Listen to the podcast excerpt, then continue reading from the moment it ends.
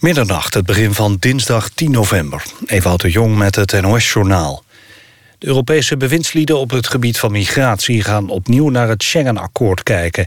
In dat akkoord is onder meer afgesproken... dat mensen binnen Europa zonder grenscontroles kunnen reizen. Volgens staatssecretaris Dijkhoff werkt dat niet goed meer. Door de vluchtelingenstroom hebben sommige landen hun grenscontroles weer ingevoerd. In Steenbergen in Brabant is opnieuw een vergadering geweest over de opvang van asielzoekers. Omdat de vorige bijeenkomst uit de hand liep, mochten nu alleen mensen naar binnen die zich hadden aangemeld. Voor het gemeentehuis hadden zich tientallen mensen verzameld om te betogen tegen een asielzoekerscentrum in Steenbergen. Tientallen politieagenten waren aanwezig om de orde te bewaken. Het ministerie van Buitenlandse Zaken heeft het reisadvies naar Egypte afgezwakt. Sinds vorige week was er een negatief reisadvies voor het vliegveld van de badplaats Sharm el-Sheikh. Naar andere vliegvelden mocht wel gevlogen worden. Nu adviseert het ministerie om alleen van en naar Egyptische luchthavens te vliegen... als de vliegmaatschappij extra veiligheidsmaatregelen heeft genomen. Het reisadvies is aangepast omdat het vorige voor verwarring zorgde. Cabinepersoneel van Lufthansa legt de komende dag opnieuw het werk neer. Omdat de vakbond en de Duitse luchtvaartmaatschappij... nog niet dichter bij een akkoord over een nieuwe CAO zijn gekomen... wordt er de komende dag gestaakt bij lange vluchten van en naar Frankfurt en München... en op het vliegveld van Düsseldorf. De afgelopen dag werden er al bijna duizend vluchten geschrapt. ook de komende dag zullen er vermoedelijk veel uitvallen. Personeel van Lufthansa voert sinds vrijdag actie tegen bezuinigingen. De afgelopen anderhalf jaar zijn er meer stakingen geweest... bij de Duitse luchtvaartmaatschappij. Het weer. In het noorden waait het krachtig tot hard uit het zuidwesten. Op de Wadden soms stormachtig. Verder valt er hier en daar regen of motregen... met minima rond 13 graden. Overdag neemt de wind wat af... en verder blijft het wisselvallig bij 13 tot 15 graden. Dit was het NOS Journaal. NPO Radio 1. VPRO. Nooit meer slapen.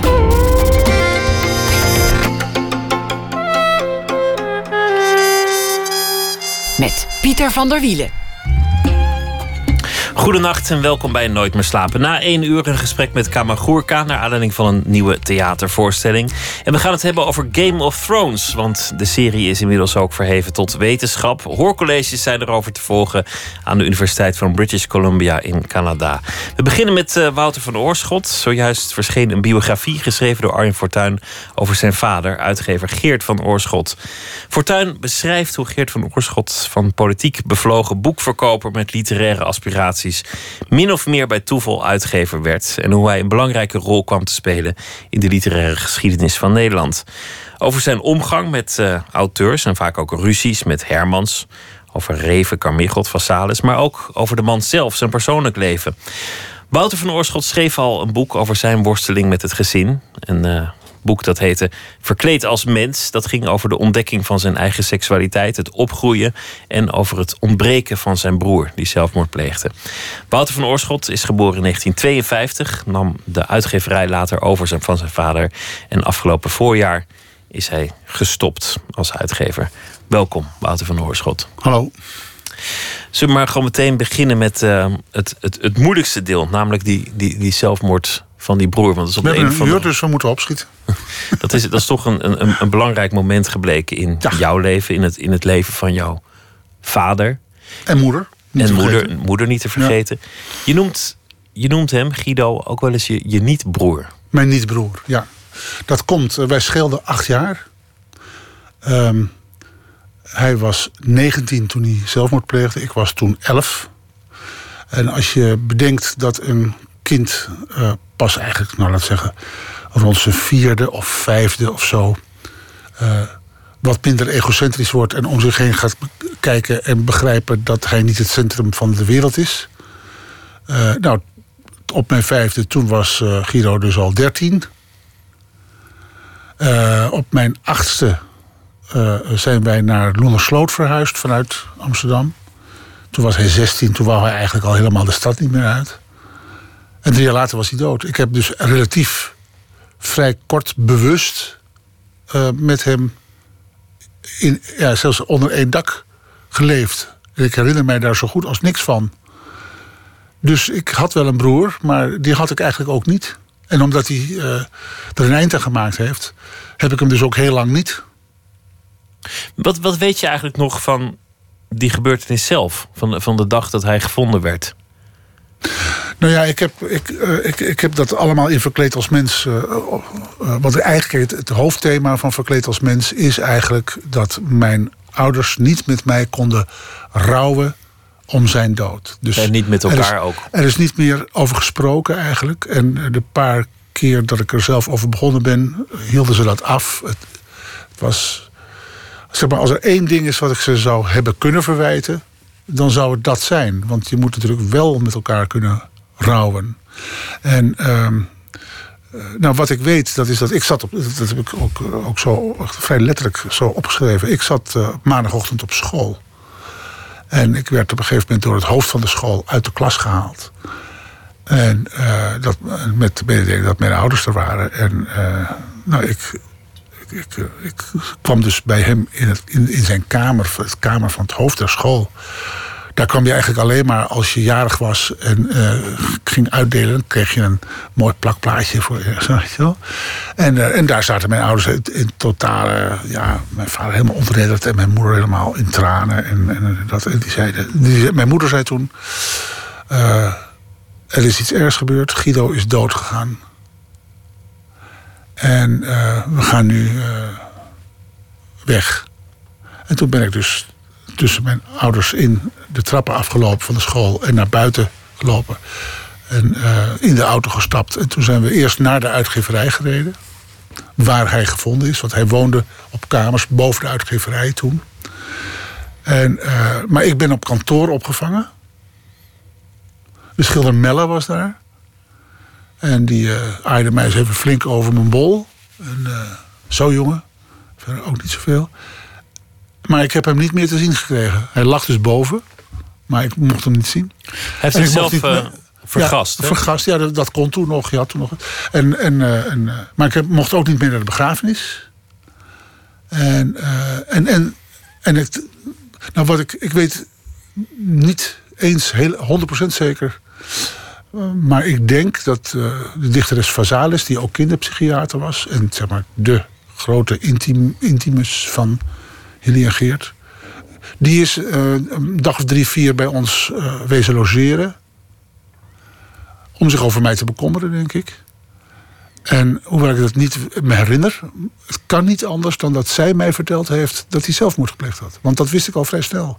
En ik kan me niet van iemand herinneren dat hij mij dat gezegd heeft.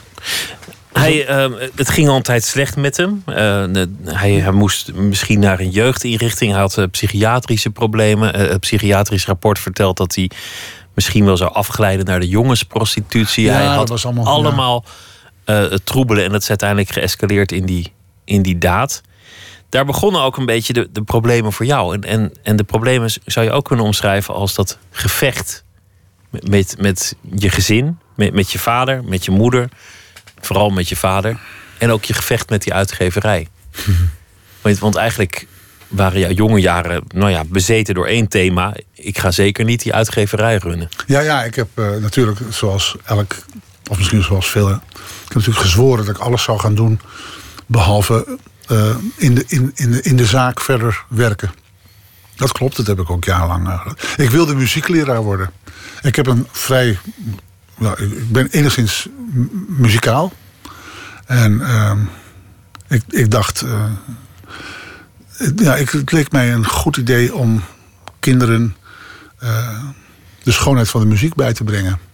Maar je zette uiteindelijk niet door op het conservatorium? Nee, nee, ik heb, ik, nee goed, dat is dat. dat is, nee, nee, het is, het, uiteindelijk ben ik toch die uitgeverij ingerold. Want ja, naarmate ik dat heeft wel een tijd geduurd. Hè? Het was pas op mijn 25ste dat ik dacht van...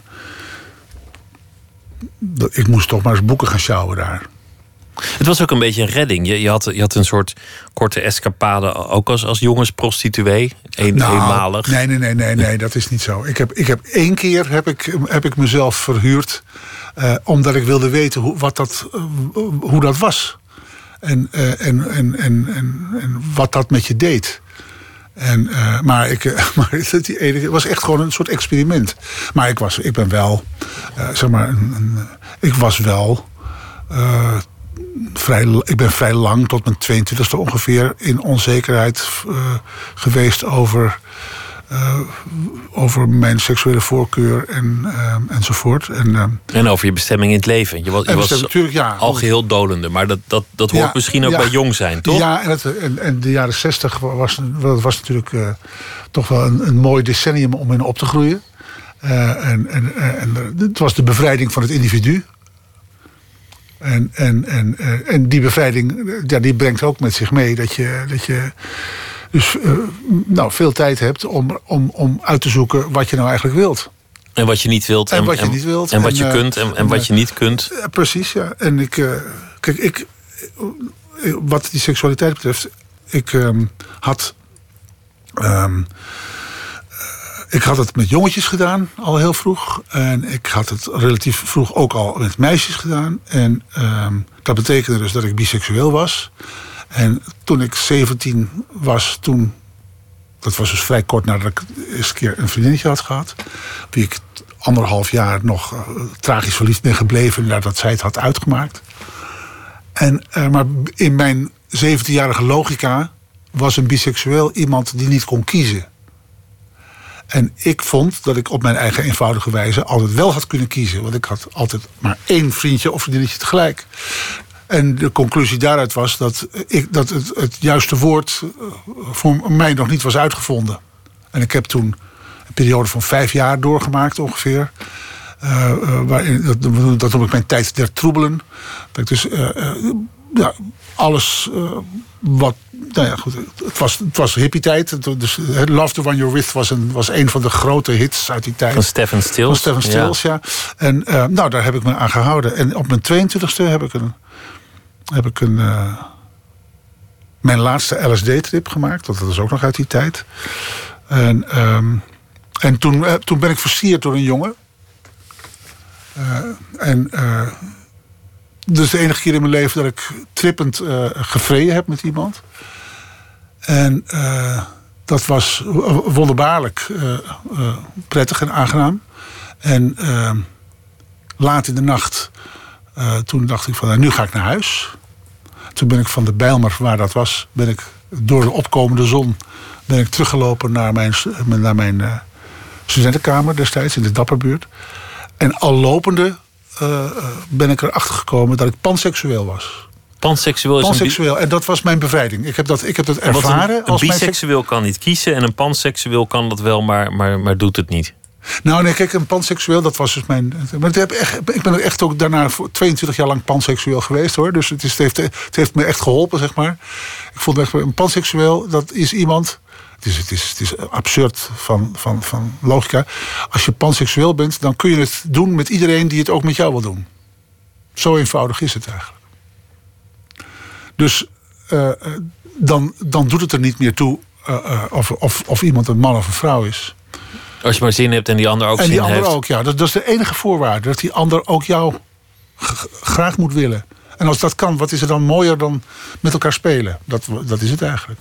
Je bent ook uh, uh, uiteindelijk getrouwd met een, met een, ja, met een Française. Met een Française, ja. Een, Fantastisch mens. Ja. Een prachtig avontuur, want, want, want je, je, je kwam haar tegen. Samen met haar echtgenoot in een, in een café in Zuid-Frankrijk. Ja, in een en, soort half restaurant, discotheekachtige toestand. En, en nou ja, uh, ja. Het, was, het was meteen vuurwerk tussen ja, jullie. En ze, ze heeft ook meteen de, dat, dat huwelijk achtergelaten en is met jou meegegaan. Ja, ik heb haar bij wijze van spreken geschaakt, ja. Ja. Werd, werd in het dorp werd ze, werd ze uitgespuugd, maar, maar het, het werd wel degelijk een, een, een, huwelijk en, en er kwamen kinderen uit voort. Ja, ja. En dat, maar paste dus ook binnen mijn panseksualiteit, dat kon. Zij wilde, jij wilde. Ja. Et voilà. En, ja. en gaan. Inmiddels was de relatie met jouw vader, want, want daarom zijn we hier mm. eigenlijk, ja. om het over, over je vader ja. te hebben, aan alle kanten vertroebeld. Je, je keek altijd wel op tegen die man. Je had altijd wel bewondering voor die man. Je vond hem misschien eigenlijk ook wel leuk, die man. Maar het is tussen jullie eigenlijk heel lelijk misgegaan. Wat is er gebeurd? Nou, dat is niet in 1, 2, 3 te vertellen. Ik, ik, ik moet beginnen met te, zeggen dat ik een hele prettige jeugd heb gehad. En, en, en, en wel degelijk een, een vader heb gehad. Uh, zoals je uh, je voorstelt dat een vader leuk kan zijn. Hij, hij ging met mij voetballen op straat. En ik mocht al als klein jongetje mocht ik in de auto meesturen. Wat ik natuurlijk geweldig vond. En, eh, maar hij ging ook. eh, ik wilde per se op een gegeven moment naar de Rolling Stones. Ik was dertien of zo. En dat vond mijn moeder maar niks. Dat ik op mijn dertiende naar de houtrusthallen in Den Haag zou gaan. eh, Waar 10.000 mensen of zo. En dan zei hij, dan gaan we samen. En eh, hij is ook mee geweest eh, naar het eerste optreden van Bob Dylan in de Kuip in Rotterdam in 1978. En hij heeft zelfs bestaan om een keer mee te gaan naar het optreden van Emerson Lake Palmer in de Oude Rij. Maar daar is hij halverwege weggelopen vanwege het lawaai. Dat, dat kon hij echt, eh, dat was echt te hard allemaal. Daar kan ik me ook wel, kan ik me ook wel iets was voorstellen. was ook echt heel erg Ja. hard. Dus, dus in, en dat was. Nou, dat was dus al, heel veel later. Dus ik heb wel degelijk een, een, een, een, een vader gehad eh, om van te houden. En ook na de dood van mijn broer. Eh, ja, kijk, als je, dus, als je dus niet kunt rouwen. en je hebt weinig ehm, eh, om je te herinneren. dan ben je met rouwen snel klaar. En mijn ouders die zijn natuurlijk na de dood van mijn broertje... Zijn die, eh, die hebben natuurlijk gedacht van... we moeten alles doen en laten om te voorkomen dat hij dat ook gaat doen. Dus ook mijn puberteit is relatief eh, ja, vreugdevol verlopen. Culminerend in dat ik op mijn vijftiende... hebben ze me zelfs naar mijn toenmalige beste vriendje... In, die in Los Angeles woonde, laten vliegen zou, vond ik toch wel dapper van ze, achteraf gezien. Want ik was tenslotte... Nou goed. Dus dat valt allemaal wel mee. Maar ja, ja eh, mijn vader was gewoon een, een moeilijke man. Dat blijkt ook wel Ja. uit de biografie. Hij had, met, had eigenlijk een, een, een spoor van conflicten, ruzies. Daar komen we straks ook over te spreken hoor. Maar met, met, met Hermans, nou ja, was natuurlijk ook niet, niet een makkelijke man. Maar, nee, dat maar was geen makkelijke man. Nou, kijk, met heel veel anderen ook had hij had toch wel. ja, maar met een aantal mensen toch ook weer niet. Kijk, hij, hij, was, hij was een self-made man. Dat kun je echt wel zeggen. Ehm, eh, hij, had natuurlijk, hij is van 1909, dus hij, heeft, eh, hij is echt volwassen geworden voor de Tweede Wereldoorlog uitbrak. En, eh, en, en, en, en moest inderdaad, dat beschrijft Arjen heel mooi in zijn biografie, gaandeweg ontdekken dat hij helemaal niet zo'n grote proletarische dichter was als hij dacht en hoopte te zijn. En op een gegeven moment is hij dus inderdaad gaan denken van ja, als ik dan zelf geen goede dichter ben, dan ga ik maar dichters die wel goed zijn verkopen. En zo is hij dus die vliegende boekhandel begonnen. Eh, dus dan, dan kocht hij boeken in bij uitgevers. Die hij van schrijvers die hij zelf goed vond.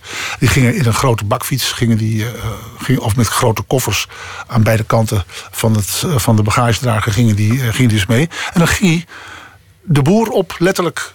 En, eh, en, en, en daar heeft hij dus gaandeweg gewoon door mensen bij mensen aan te bellen. En te zeggen, ik heb mooie boeken om te verkopen. Heeft hij gaandeweg dat vak geleerd. En zo, dat, dat staat ook in het boek, Ja. hoe hij dan de uitgeverij inkomt en, Ja. en uiteindelijk ook de, de, de uitgever wordt.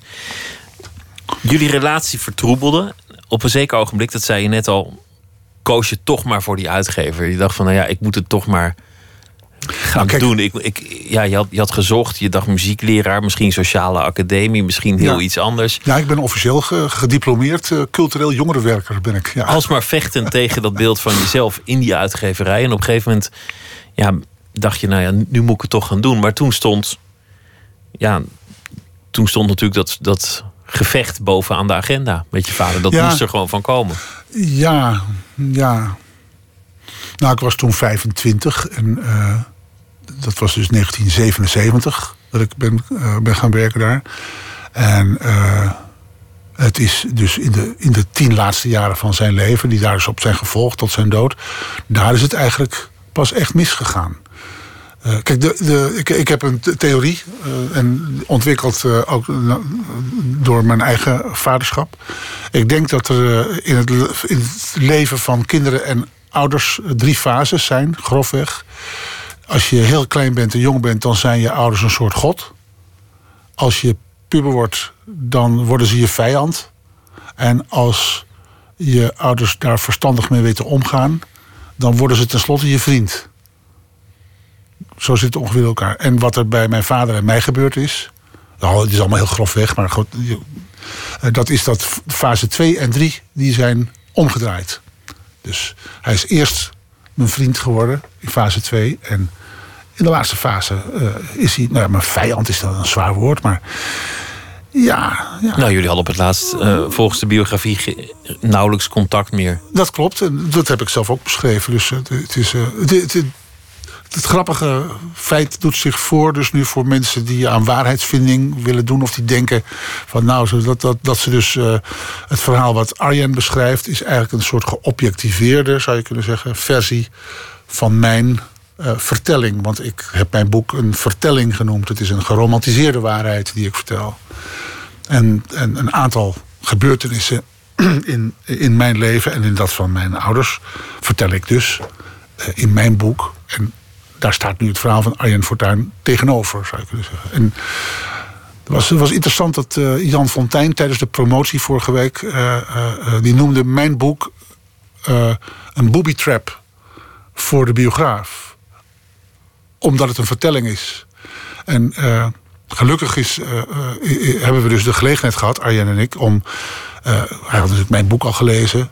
en, en, en daar kon hij mij vragen over stellen: van wat is nu wel waar en wat is er nu niet waar. Dus, dus ik heb hem wel wegwijs kunnen maken in die aspecten van mijn boek, die zich misschien niet helemaal precies zo hebben voorgedaan als ik ze beschreef. Voordat het in die, in die zo serieuze biografie komt. Ja.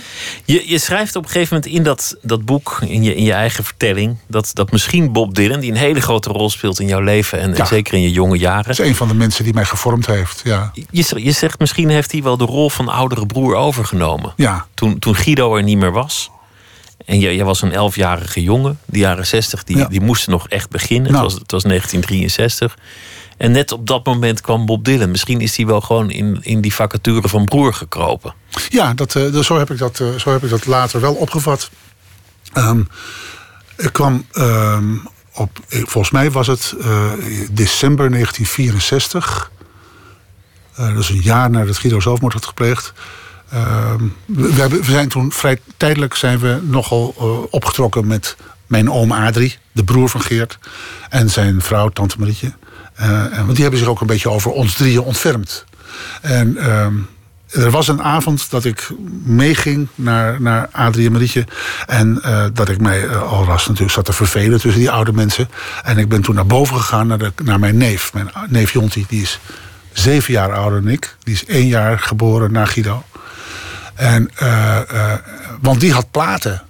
En die had bovendien een, een klein eh, formaat tafelbiljart in zijn kamer staan. En, eh, en, ik en, en ik vroeg dus of ik binnen mocht komen en mee mocht spelen. Dat mocht. Hij had een vriend op bezoek. En daar draaiden ze de hele avond. Ik ben daar misschien twee uur geweest of zo. Om en om draaiden ze de plaat Another Side of Bob Dylan. Dat is de, nummer vier is dat. En, ehm, dat is een, dat, en eh, die begint met een nummer dat heet All I Really Want To Do Is Baby Be Friends With You. En mijn Engels was eh, als een 13-jarig jongetje nog, eh, nog niet. Ik was net op de middelbare school terechtgekomen. Natuurlijk nog niet echt. eh, ja, was heel rudimentair aanwezig. Maar all I really want to do is baby be friends with you. Dat begreep ik wel. En, ehm, eh, en dat paste mij eigenlijk als een soort handschoen. Alleen al dat, dat refrein alleen al. Want ik was enig kind eigenlijk, al heel lang. En eh, omdat ik mijn broertje niet kende en grotendeels alleen ben opgegroeid. En ik was nu helemaal alleen kind, omdat hij er ook niet eens meer was. En een, een, een, en een vriendje eh, kwam me, zou me wel goed uitkomen. En ehm, eh, drie maanden later kwam Subterranean Homesick Blues uit. Ik was intussen een volledige expert in de Veronica Top 40 geworden... die elke zaterdag werd uitgezonden. En die kwam binnen op 39, dat liedje. En eh, dat vond ik, eh, dacht, die- stem, die ken ik. Die ken ik. En toen dacht ik, oh ja, dat is deze man. Dat is Bob Dylan. En zo is het verder gegaan. En, en ik, had, ik had binnen een jaar eigenlijk... wat natuurlijk Dylan's jaar was, 1965, 66. Eh, binnen een jaar had ik hem door, denk ik. Dat denken heel veel mensen dat Ja, ze Bob Dylan doorhebben. ja. Ja. Maar er is net een, eh, een, een enorme box eh, verschenen. Met, met allemaal eh, niet eerder uitgebrachte opnames. Juist uit die tijd, Ja. 65, 66. Tussen Highway 61 Revisited en Blond on Blond. En daar gaan we nu een nummer van luisteren. Can you please crawl out your window? In, in dus een nieuwe niet eerder uitgebrachte versie. Heel goed, ben benieuwd.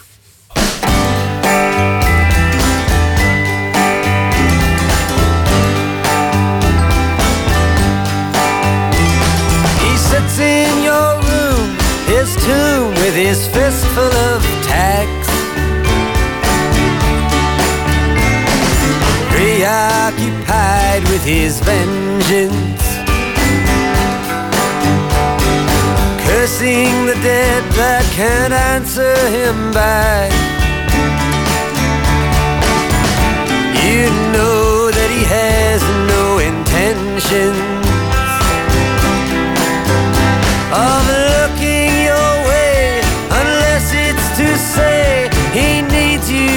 test his inventions.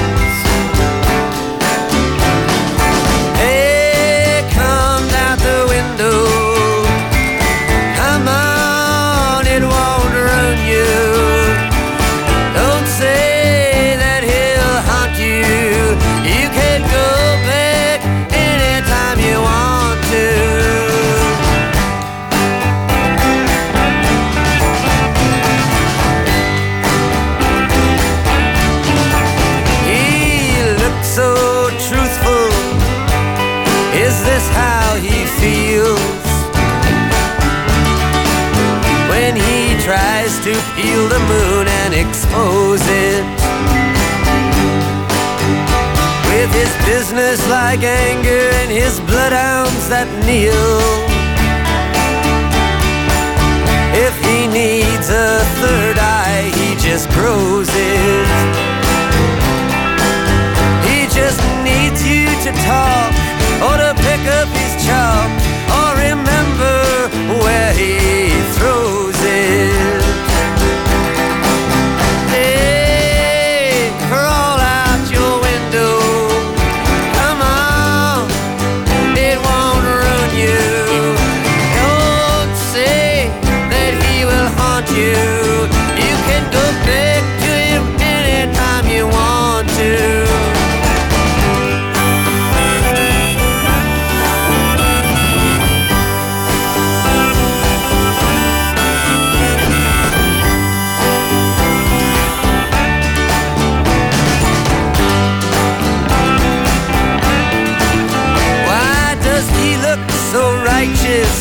while your face looks so changed?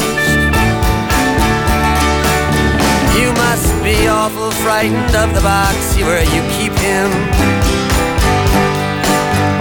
While his genocide fools and his friends rearrange their religion of little tin women.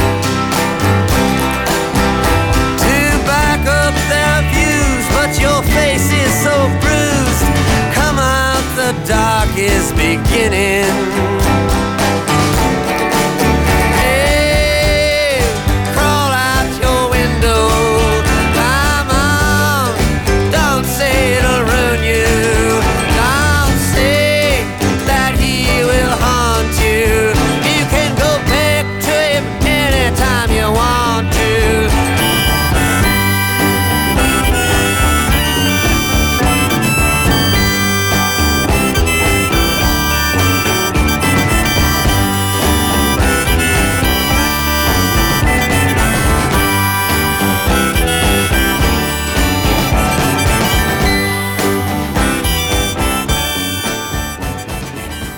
Was dus een hele slechte versie. Ja, ik vond, eh, vond de, de versie die ik wel eens eerder heb gehoord mooier. Maar ja, dat heb je vaak met, met dingen die dan later worden uitgebracht. En dat is allemaal heel bijzonder. Maar het is, het is, ja, die Bob Dylan is ook niet helemaal van lotje getikt. Nee, dus, dus die, die, die weet ook wel wat hij oorspronkelijk op zijn plaats zet. En wat hij, wat hij dan voor, eh, voor de Ja. box na afloop bewaart. Dit, dit was eh, niet de mooiste versie, maar wel Nee. een mooi nummer. Het is toch leuk om een keer een andere versie Ja, te horen. ja en voor, voor de, voor, het is een Fundgrube, eh, de, de, die, die, deze periode. Dus eh, ik ben ook heel nieuwsgierig naar. Ik vind ook, maar het gaat er ook niet meer om of ik dit nou echt per se een slechte versie vind. Ik wil het wel allemaal gehoord hebben. En dus dit- de komende dagen, weken... Dit was voor jou belangrijk in, in jouw leven nog steeds, Bob Dylan. Het, het viel samen met allemaal dingen. De, de zelfontplooiing, die jaren 60. Ja, Ontdekken wie jij zelf was. Bob Dylan, die jou aanspreekt. Crawl out your window. Ja, Trek ja. die wereld in. ja, Ontwikkel het nou jezelf maar. vooral. Ontwikkel jezelf. Don't follow leaders, dus ook mij niet. Dat was ook zo'n. eh, en, en dat is dus voor heel veel mensen, Bobcats en Dylan Heads, die al, die al jaren naar alle concerten gaan, is dus het grote misverstand. Dat, dat, dat, dat, dat, dat, dat, dat ze niet begrijpen dat hij hun leider niet is. Hij is niet eh, een, een, eh, een messias of een goeroe. Nee, of, en, dat, eh, en dat ook niet willen zijn. En, en, en, en toch blijven ze hem als zodanig zien. Het is een lastig dilemma. zijn, hele carrière kun je zien als een poging het publiek af te schudden eigenlijk. En dat is mislukt. Uiteindelijk, dat is ook zijn tragiek. Het is, en, en, en, ja. en, en en op een gegeven moment toen is hij dan zo wijs geworden om te zeggen van oké, ehm, dan ga ik voortaan maar mijn eigen oude, oude en nieuwe testament zingen voor al die mensen. En, eh, en eh, hij heeft dus de, de, de, de last van het leiderschap uit, uiteindelijk aanvaard. Geloof ik. Ik geloof dat dat zo in elkaar zit, ja. We gaan het eh, hebben, eh, Wouter van Oorschot, over eh, de biografie die is geschreven over Mm. jouw vader. Ik, we hebben het net gehad over jouw eigen jonge jaren. Over, over de, de, de Ja. worsteling met je vader. Over dat, dat gezin waar die tragiek overheen hangt. Ja. Dat keerpunt in ieders leven. En, en eigenlijk een niet gedeeld keerpunt. Niet samen kunnen rouwen. Eh, je vader werd, werd daarna een, een nog moeilijker man dan hij misschien al was. De drank, die kwam ook op in, in zijn leven. Hij... eh, scheep toch wel regelmatig naar de fles. En kennelijk zat er toch iets van, van verdriet. Wat uit die biografie toch ook blijkt, is allereerst wat je al zei, dat een self-made man is. Een jongen die helemaal niet uit een heel chique familie kwam, die ontzettend links geëngageerd was. Die uiteindelijk maar boeken ging verkopen op de fiets met een, met een wagen en dat heel goed kon en werd opgemerkt. En toen tijdens de oorlog had hij ineens, omdat hij de enige niet-Jood in het bestuur was, de, de leiding over Querido. Hij, hij moest die zaak draaiende houden, terwijl iedereen verder op non-actief was eh, gesteld. de- de- Querido eh, had dus die prachtige uitgeverij gemaakt. En al sinds 1925. En in, het, in, in, in, de grotere planning van de naties eh, eh, werden de Joden gewoon stelselmatig eh, ja, uiteindelijk ook koud gemaakt, weggevoerd en zo. Maar eerst mochten ze niet meer directeur van hun eigen bedrijf zijn. Vervolgens mochten ze niet meer in het bedrijf werken. Ten slotte moesten ze dat bedrijf afstaan. En zo werd het langzamerhand. En, en, en eh, Geert was in 1938 ongeveer... was hij eh, verkoopleider bij Querido geworden. En toen de oorlog uitbrak, toen, eh, toen, toen heeft Querido gezegd... ja, ik moet eruit. Wil, jij, wil jij het doen? Want eh, ja, Geert was inderdaad niet eh, van Joodse afkomst. En kende het bedrijf, liep daar al rond. Ook Ja. al was hij eigenlijk een, een, junior medewerker. Ja. Een ver- verkoopmedewerker. Een verkoopmedewerker, ja. En, maar goed, hij had wel zijn sporen al verdiend eh, als, als verkoper. Men, want hij, had al eerder, hij was al eerder met die vliegende boekhandel begonnen, begin jaren 30. Want hij, was dus, hij had zijn eerste huwelijk, 1932. In 1933 was zijn eerste zoon geboren, Geert junior. En in 37 Levine, is de tweede.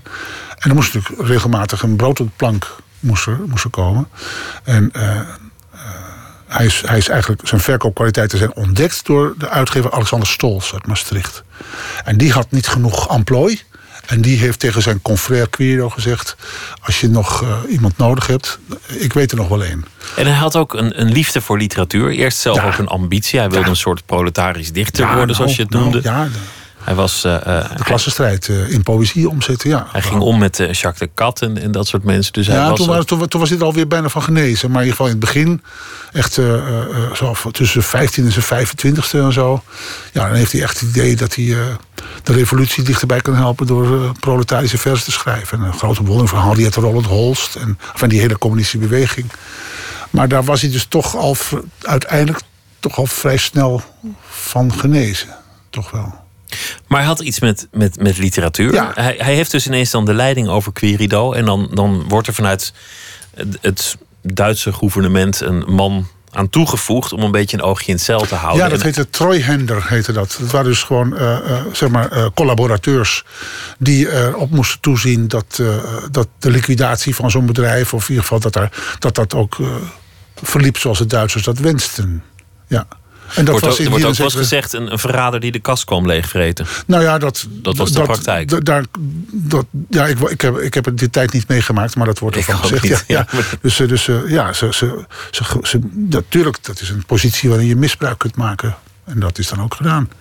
En, eh, maar ja, ja het, is, het is eh, op een of andere manier. Reinier van Houten heette die man. En eh, op, op een of andere reden is, is Geert er dus in geslaagd om eh, onder die man zijn ogen. En dus ja, heeft hij de andere kant op gekeken. Ik, ik, niemand kan het meer navertellen. Maar ehm, uitgeverij had als enige uitgeverij na de bevrijding een enorme hoeveelheid boeken. En Geert is erin geslaagd om onder de ogen van die man, onder de ogen van de Duitsers, alle, de, alle boeken, de hele boekenvoorraad van uitgeverij Quero eh, eh, te verdonkeren manen. En een, het verhaal gaat dat een deel daarvan zelfs tijdenlang in de kelder van een politiebureau heeft gestaan. En, eh, en er was ook helemaal geen geld meer, er was geen omzet meer. En de, de oorlog was nog niet afgelopen. Of Quiro had weer eens 70 of 80.000 gulden op de balans staan. Kortom, en een heleboel boeken. En die kon dus meteen weer gaan verkopen. En, zo. en hoe hij dat klaargespeeld heeft, ja, dat is waarschijnlijk door tegenover heel veel mensen te zwijgen. Net zoals hij ook tegenover mij altijd gezwegen heeft over wat er in de oorlog is, allemaal is gebeurd. Wat veel ouders hebben gedaan. Hè? Dat is, eh, Dit, dit toont wel eh, dat hij talenten had. De, eh, Geert van Oorschot had een aantal grote talenten. Zakelijke talenten. Hij had een, had een soort gevoel van, van hoe je zaken moest doen. Hij, hij was, was zakelijk intelligent. Hij had ook een, een heel duidelijke visie op wat het is om uitgever zijn. Jij bent uiteindelijk ook het grootste deel van je leven uitgever geweest. Hoe zou je je vader als uitgever typeren? Nou, dat is wel aardig om dat nog even dan ook naar voren te halen. Op een gegeven moment kwam Arjen Fortuyn bij mij. En met de mededeling van... God, ik zou eigenlijk... Ik overweeg om een biografie over je vader te gaan schrijven. Wat vind je daarvan? Nou, kende ik... eh, ik wist wel wie Arjen Fortuyn was. Omdat ik... eh, maar en de eerste keer dat hij echt hele diepe indruk op me gemaakt heeft... dat was zijn bespreking van het verzameld werk van A. Alberts. Die wij, wat wij hadden uitgegeven. Dat was een zo'n verdomde goed stuk over een zeer door mij bewonderde schrijver. Dat ik dacht van ja, jij hebt het echt begrepen. Jij kan goed lezen. En dat wist ik dus. En eh, ik zei van ja, god, eh, ik vond wel dat in alle bescheidenheid eh, ge- gezegd eh, dat mijn vader iemand was die voor een biografie in aanmerking kwam. Ik ben natuurlijk eh, zelf zo'n beetje de grootste kenner van Smans leven. Omdat ik er zo lang bij, bij, echt dagelijks bij betrokken ben geweest. Maar mijn trots ook op wat hij gedaan heeft en zo. Dat- En, en het enorme complexe bestaan dat hij geleid heeft. Heeft heel veel meegemaakt en veel gedaan en zo. Van, ja, dat zou wel eens een biografie waardig iemand kunnen zijn. Dat is niet iedereen, hè? En... ehm, dus ik zei toen tegen Arjen Fortuyn, nou, eh, eh, weet je wat, stuur me je geloofsbrieven maar eens. En een, twee weken later kreeg ik, geloof ik, twee A4'tjes van hem.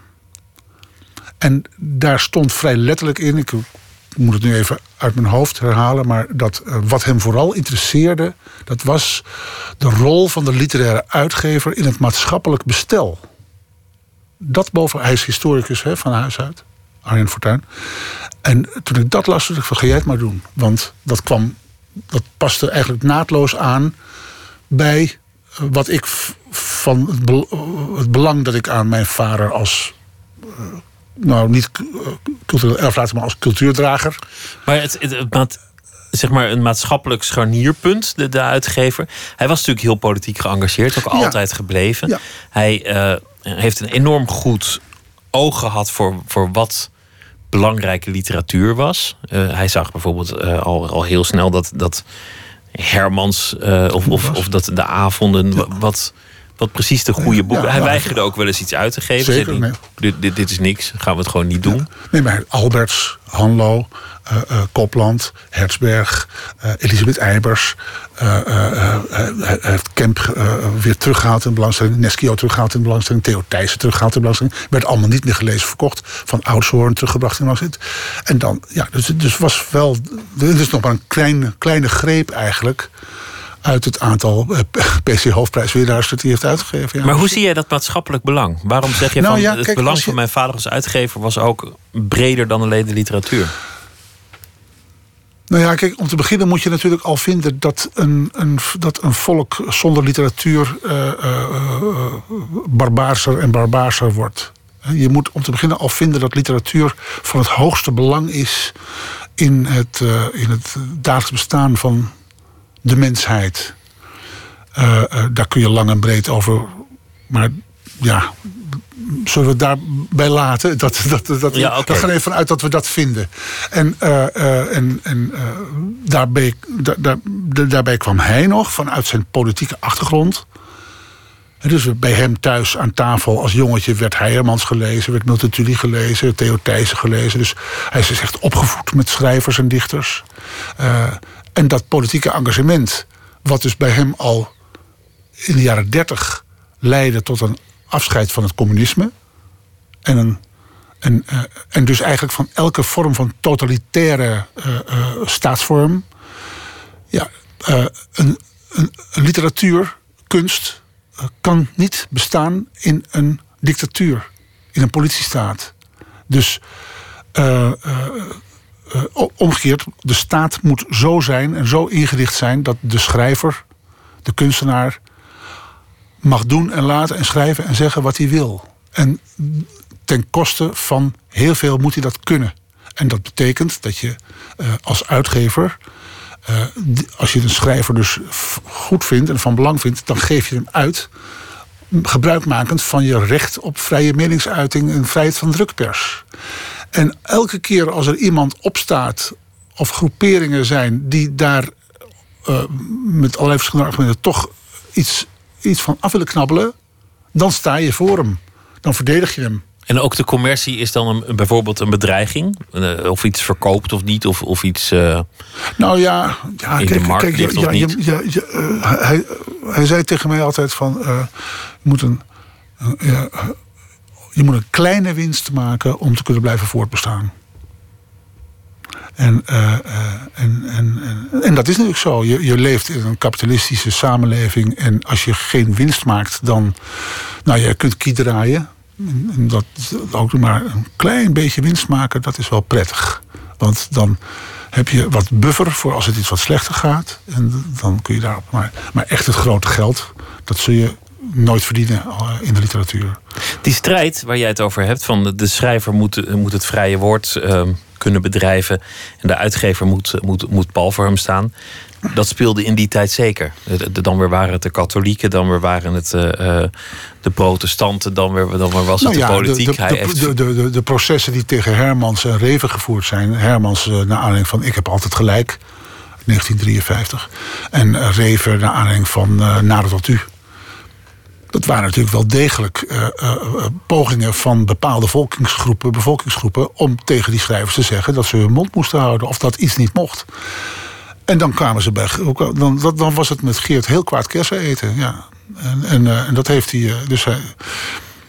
Dus hij heeft Hermans en Reven. en, en trouwens, elke keer als dat noodzakelijk was, dan, dan, dan, dan nam hij ze in bescherming. Ja, en, dat, eh, en, en daar, daar, ging hij, daar ging als het moest, heel ver in. En, eh, en dat, dus, dus kortom, hij zei altijd: Mijn uitgeverij is een politiek programma.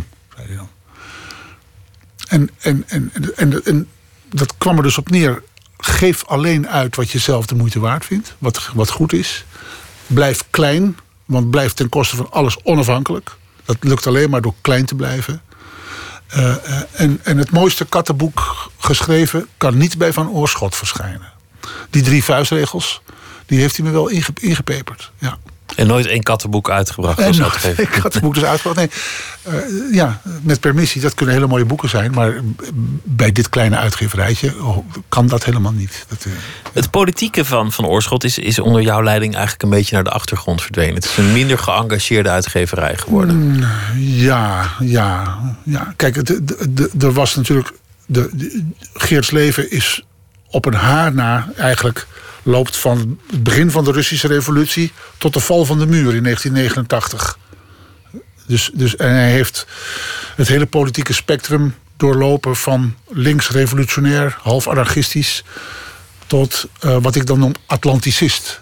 Eh, er wordt, eh, hij, hij bleef eigenlijk, nadat hij al in de jaren dertig het communisme had begrepen dat dat een terreurbeweging was die ten koste van alles bestreden moest worden. Nou, het fascisme kwam daarna, is ook verslagen. Eh, hij is een leven lang is hij, eh, is hij, is hij eh, alert gebleven op niet alleen alles wat probeerde om de vrijheid van de mensen te beknotten, maar ook dat, dat er dus maatregelen nodig zijn om de mensheid te beschermen tegen dit soort regimes. En dat viel natuurlijk voor een groot gedeelte samen met de Koude Oorlog. En, eh, en de Amerikanen, die hadden ons bevrijd. En eh, eh, de Europeanen waren absoluut niet in staat, laat staan bereid, om voor hun eigen verdediging te zorgen. Dat betekende dat de vrijheid van Europa en daarmee de vrijheid van meningsuiting en drukpers, hoe dan ook, afhing van de bereidheid van de Amerikanen om voor ons te, wel te vechten.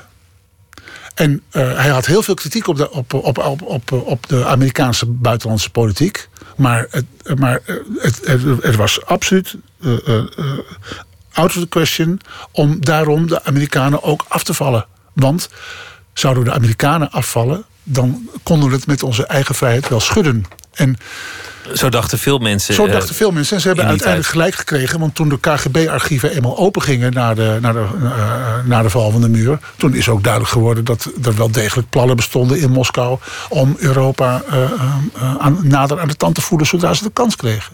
Het is erg jammer dat hij de val van de muur net niet meer heeft meegemaakt. Want dat zou een, voor hem een soort finest hour geweest zijn, denk ik. Ja. Van een, van een eh, links-proletarisch dichter en revolutionair naar een Atlanticist. Van, van iemand die lid was van de geheelonthouders naar iemand die eh, regelmatig eh, te diep in het glas keek. Je, je bent zelf uiteindelijk het grootste deel van je leven verbonden geweest aan die uitgever. Ge- geboren boven de uitgeverij, Ja. opgegroeid in de uitgeverij.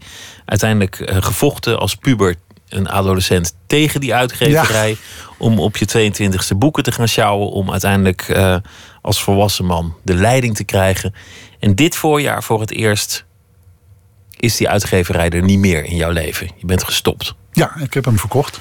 Je hebt hem verkocht. Dus, Ja. dus, dus voor het eerst ben je af van die, van die uitgeverij. Ik kan zeggen dat is een. eh, Een groot diep zwart gat. Eh, nee, nee, nee, nee. Het, is een, het, het voelt weldadig aan, kan ik je zeggen. Ja? Ja, ja. Ik heb, eh, uitgeverij heeft mij veel gegeven en veel gebracht. En ook, eh, ook, ook, ook, ook met alle treurnis die erbij zit. Ik heb er geen spijt van.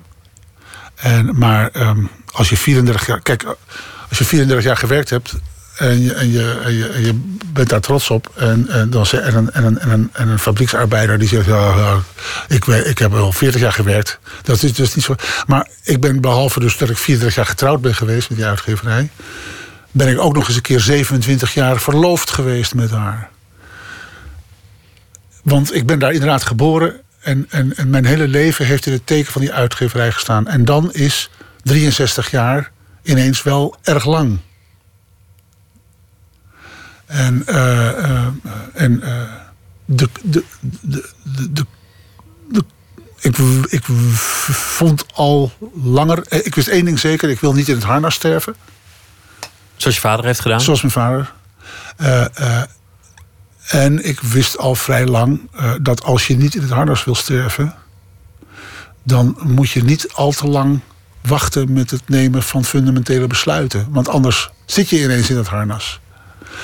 En dat, dat heb ik al vrij lang in mijn hoofd gekregen. En dan moest ik nog het geluk hebben om mensen te vinden die eh, begrijpen wat uitgeverij van Oorschot is.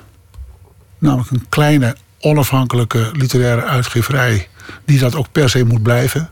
En die een kwaliteitsnorm eh, heeft die, eh, die inderdaad vrij hoog is. Geen kattenboeken, nog steeds. Nee, maar goed, Nou ja, een kattenboek kan heel goed zijn, hè? maar in ieder geval, dus ook beperking tot wat het is, de literatuur, eventueel politiek. Zometeen nog even terugkomen, die politiek, misschien.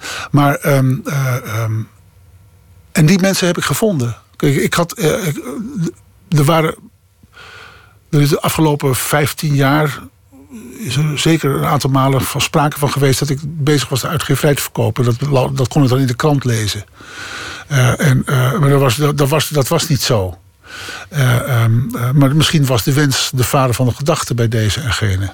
En ik heb hem inderdaad. eh, ja, er zijn wel mensen die duidelijk hebben gemaakt dat ze belangstellend waren. Maar dat waren niet de mensen aan wie ik de uitgeverij wilde verkopen. Of, ofwel omdat ze.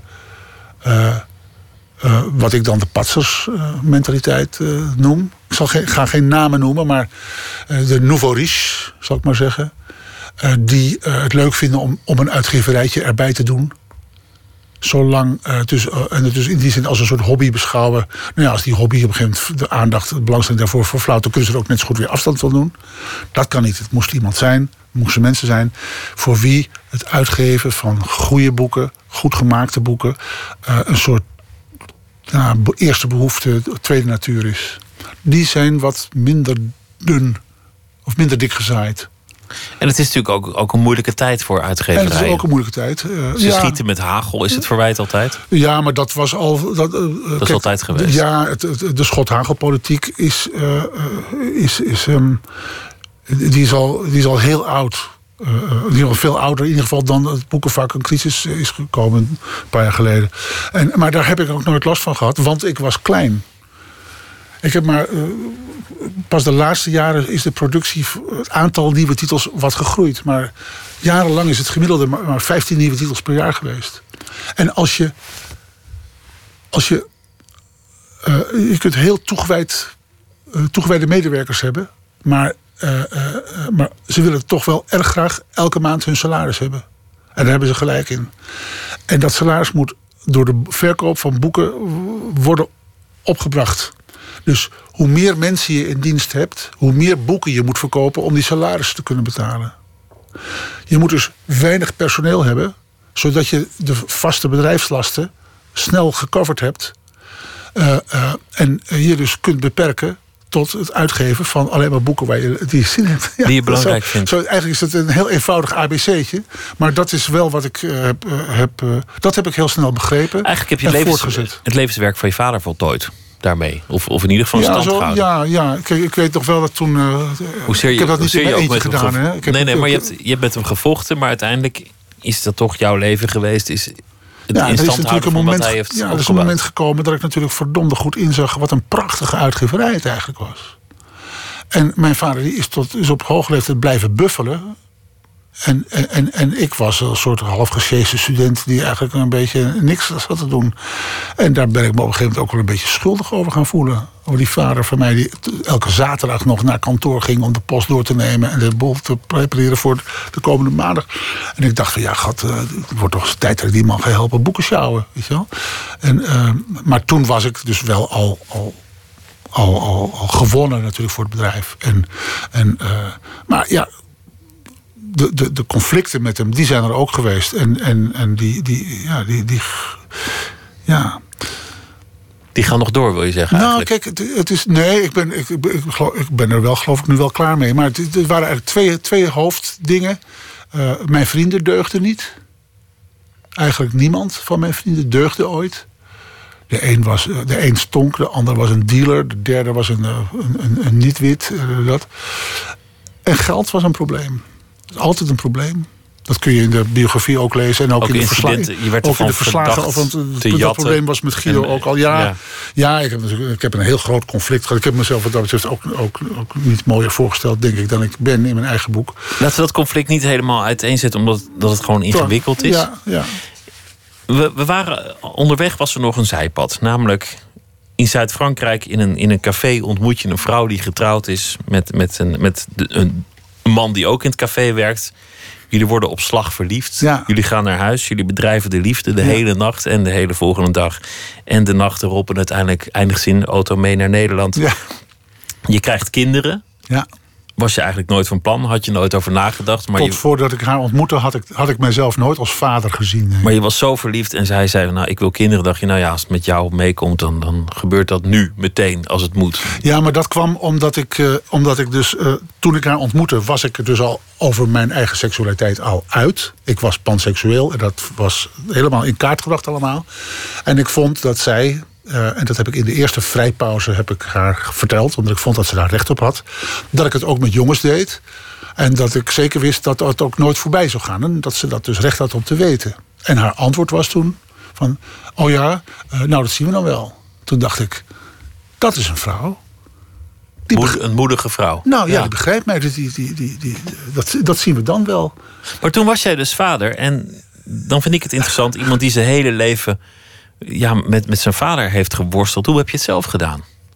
Daar, Dat daar zou je mijn zoons moeten vragen. daar- Maar je kijk, zwijgt zijn- erover in je, in je eigen memoires. Je zegt, eh, gaat heel goed, dank u wel. Of zoiets in een, in een, in een bijzinnetje. Ja, ja, natuurlijk. Maar ik, ik heb eh, eh, mijn, mijn, de moeder van mijn zoons en mijn zoons heb ik. die heb ik. ik kon ze natuurlijk niet weglaten uit mijn verhaal, wat ik vond dat ik moest vertellen, maar ik heb ze wel. Ontzien. Ja, hun namen staan er niet in eh, enzovoort. En eh, ze heet Mijn Lief. En, ehm, en het gaat goed met ze, ja. En, en, eh, en ehm, kijk, mensen met wie je omgaat, die, die, die hebben natuurlijk nooit gevraagd om in een boek terecht te komen wat jij schrijft. En als het nou rotmensen zijn, dan is het dan, dan, dan, dan ach. Hè? Maar als het mensen zijn die je heel erg naast staan, dan moet je verdomde eh, voorzichtig mee, eh, zijn. En dat heb ik zoveel mogelijk geprobeerd. Ja. Dat begrijp ik. Ja. Maar je bent, je bent eigenlijk professioneel het pad van je vader ingegaan. Ja, En, maar je, je had toch altijd moeite met hem hoe hij als vader was. Is het je gelukt om, het, om niet in de val te trappen om zelf je vader te worden? Nou, om te beginnen eh, is het ons twee niet gelukt om bij elkaar te blijven. Want we zijn dus op een gegeven moment ook gescheiden. Toen de jongens 9 en 14 waren. En ehm, eh, dat, is, eh, dat, dat is niet wat kinderen willen. Kinderen willen per se dat hun ouders bij elkaar blijven. Dus, en ik vind ook dat als je eenmaal jezelf hebt voortgeplant, dan vind ik dat ook dat je moet alles doen om dat ook te, te realiseren voor je kinderen. Alleen, het lukt niet altijd. Eh, we hebben er heel lang over gedaan. We hebben, we hebben 17 jaar samen gewoond. En eh, ze is en blijft de vrouw van mijn leven. Ik vind haar nog altijd een geweldig mens. Maar het, het, het, het- het- daar gaan we nu niet verder op in. Maar het kon gewoon. Het, het ging op een gegeven moment niet meer. En eh, we zijn toen wel zo verstandig geweest om heel lang te doen over het uit elkaar gaan. We hebben met mensen over gepraat. En, dat, en we hebben hele goede afspraken gemaakt. We hebben, we hebben samen de voogdij gehouden. En zo. Omdat we in ieder geval, we waren het er wel over eens. Dat die jongens, die moesten daar zo min mogelijk last van hebben. En ik denk dat we dat niet, niet onaardig gedaan hebben. Maar je, Ja. je- je- geen van je zoons dacht van Oorschot, uitgeverij. Ik, ik, ik ben er als kind door, door de boekenkasten gekropen. Nu wil ik het overnemen. Of, of was dat ook niet jouw verlangen dat, dat een van de twee dat zou doen? Dat het een familiebedrijf zou blijven? Ehm, nou, nee het, heeft, nee, het is niet per se een verlangen geweest dat het ehm, goed, goed een familiebedrijf zou moeten zijn. Het, het, is, het is ter sprake geweest in de familieraad, zou ik maar zeggen. Mijn jongste zoon heeft een jaar in de uitgeverij gewerkt. Mijn oudste zoon heeft dat verlangen nooit gehad. En toen ik eenmaal ongeveer 2008, 2009 ehm, ehm, bedacht van ik moet nu een traject in gang gaan zetten dat uiteindelijk leidt tot eh, in ieder geval mijn terugtrekken. Had ook nog gekund wel een familiebedrijf laten, maar iemand anders erin zetten. En dat ik gewoon alleen maar commissaris ben of zo, weet je, of aandeelhouder. Eh, toen heb ik dus wel op een gegeven moment een aantal, aantal gesprekken gevoerd met mijn zoons. En gewoon echt op de man afgevraagd of hun ziel en zaligheid zou afhangen van het voortbestaan van de uitgeverij als familiebedrijf. En dat hebben we goed en duidelijk met elkaar over gesproken. En het antwoord was nee. Dus eh zij zijn andere dingen gaan doen. En dat doen ze met veel plezier en genoegen en talent. Ik wens jou ook heel veel eh, plezier en, en genoegen in je, in je nieuwe levensfase. Dankjewel. Zonder, zonder de uitgeverij. Het boek van eh Arjen Fortuyn heet Geert van Oorschot. Uitgever Wouter van Oorschot. Dankjewel dat je het gast wilde zijn. En heel veel eh, succes met alles wat er komen gaat. Dankjewel. We gaan zo meteen eh, verder met Nooit meer slapen. Twitter, at VPRO NMS of de mail nooit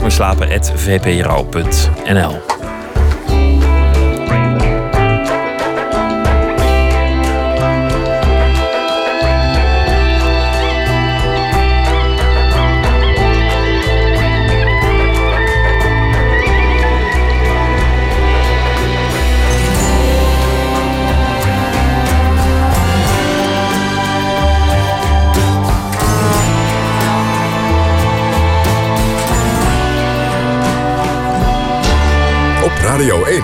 Het nieuws van alle kanten.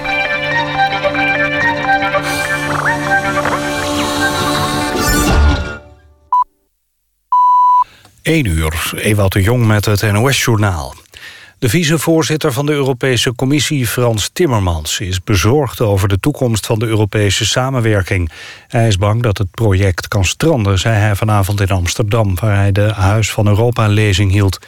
Volgens de eurocommissaris heeft Europa te maken met een perfect storm... door de vluchtelingencrisis die zo snel volgt op de eurocrisis. Hij zei dat hij nooit eerder zo aan het Europese project heeft getwijfeld... Timmermans vindt dat Europa uit elkaar getrokken wordt... door nationalistische bewegingen die inspelen op de angsten van de Europeanen. En daar heeft de politieke elite volgens hem geen goed antwoord op. In Steenbergen in Brabant is opnieuw een vergadering geweest... over de opvang van asielzoekers. Omdat de vorige bijeenkomst uit de hand liep... mochten nu alleen mensen naar binnen die zich hadden aangemeld. Er waren zo'n 120 plaatsen. Voor het gemeentehuis hadden zich tientallen mensen verzameld... om te betogen tegen een asielzoekerscentrum. Tientallen politieagenten waren aanwezig om de orde te bewaren. Cabinepersoneel van Lufthansa legt de komende dag opnieuw het werk neer. Omdat de vakbond en de Duitse luchtvaartmaatschappij nog niet dichter bij een akkoord over een nieuwe CAO zijn gekomen, wordt er de komende dag gestaakt bij lange vluchten van en naar Frankfurt en München en op het vliegveld van Düsseldorf. De afgelopen dag werden er al bijna duizend vluchten geschrapt. En ook vandaag zullen er vermoedelijk veel uitvallen. Personeel van Lufthansa voert sinds vrijdag actie tegen bezuinigingen. Afgelopen anderhalf jaar zijn er meer stakingen geweest bij de Duitse luchtvaartmaatschappij. Het weer. In het noorden waait het krachtig tot hard uit het zuidwesten... en op de Wadden soms stormachtig. Verder valt er hier en daar regen of motregen met minima rond 13 graden. Overdag neemt de wind wat af. Verder blijft het wisselvallig bij 13 tot 15 graden. Dit was het NOS Journaal. NPO Radio 1. VPRO. Meer slapen.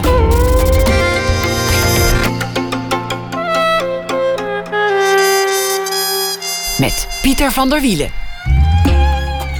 Straks een gesprek met eh, de Vlaamse alleskunner Kamagurka over een theatervoorstelling Vliegangst op de Pechstrook. En we gaan het ook hebben over eh, het SBK, de eerste kunstuitleen van Nederland. Ze bestaan 60 jaar. Maar we beginnen met Auke Hulst. Hij is schrijver en muzikant en debuteerde in 2006 met de roman Jij en ik en alles daartussenin.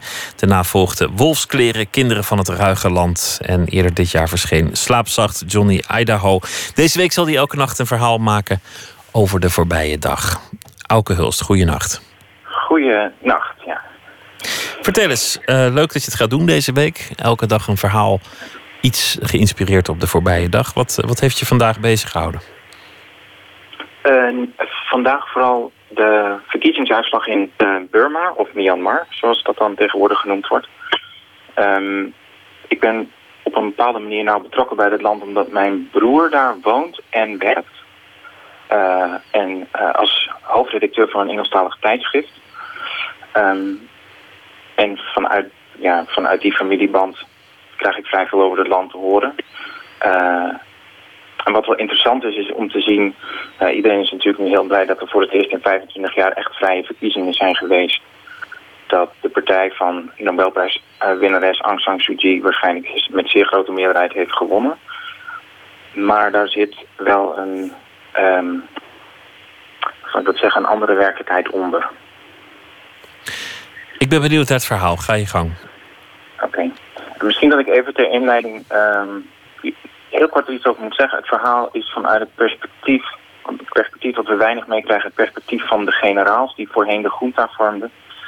En die um, in 1990 al een keer een verkiezing hadden uitgeschreven die ze zeer dik hadden verloren, waarna de uitslag ongeldig is verklaard.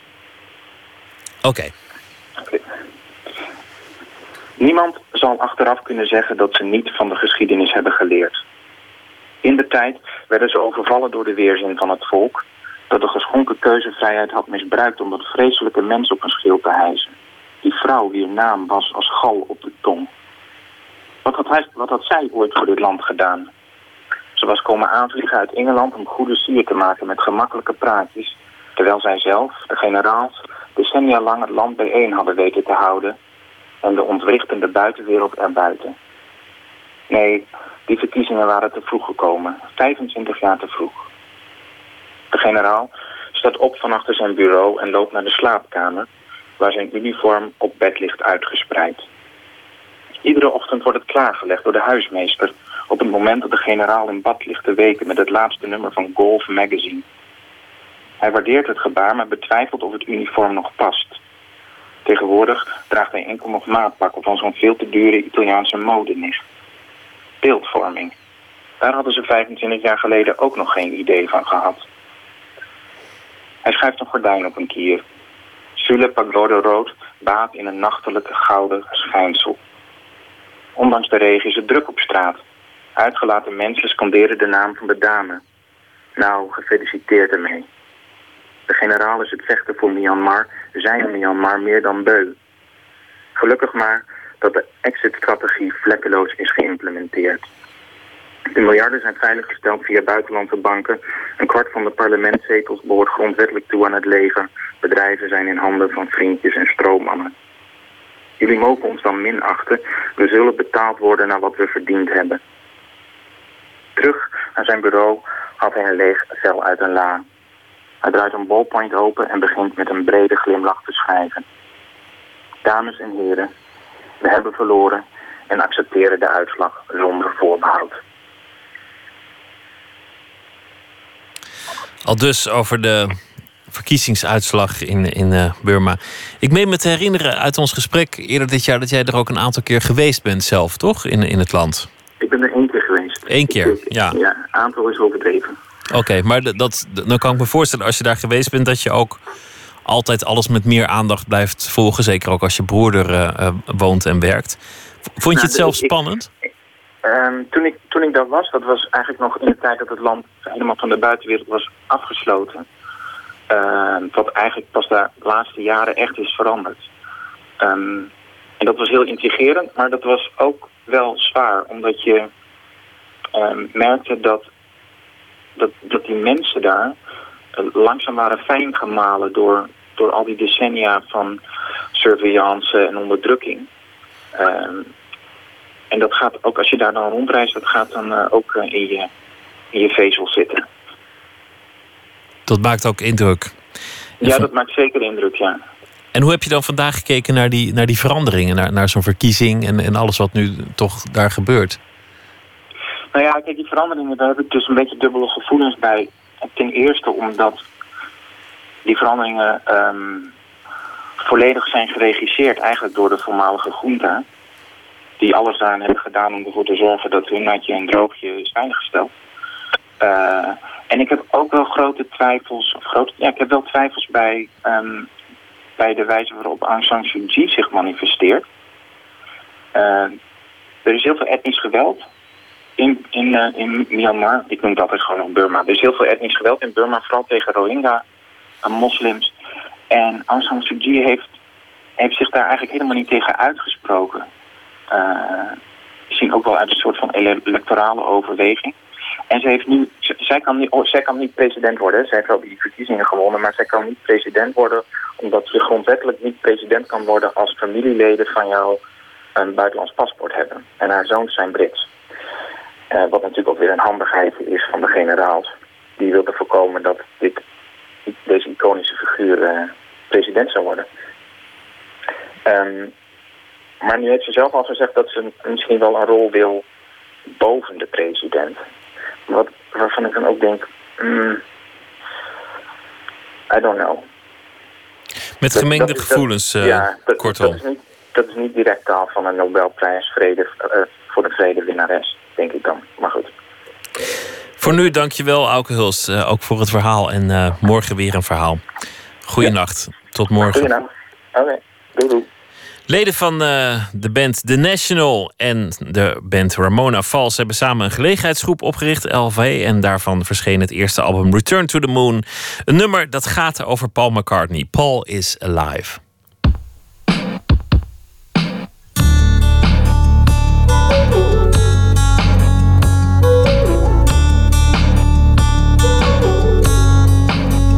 I had a sugar coated childhood. The stars were in my suit, given the opportunity. But start over and change it all. Beatlemania made my mother think the way she does. She always said, Don't waste your life wishing everything was how it was.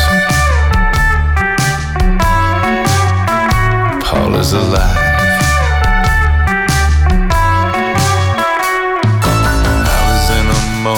For a moment, and I wasn't. I was 16 years old in a dead guy's boots with my hair slicked to the side. Sitting outside the jockey club, crying in my 7 up. I could hear who's good doing the Smiths, the sluggers, the cramps go pop, pop, pop, pop inside. Paul is alive.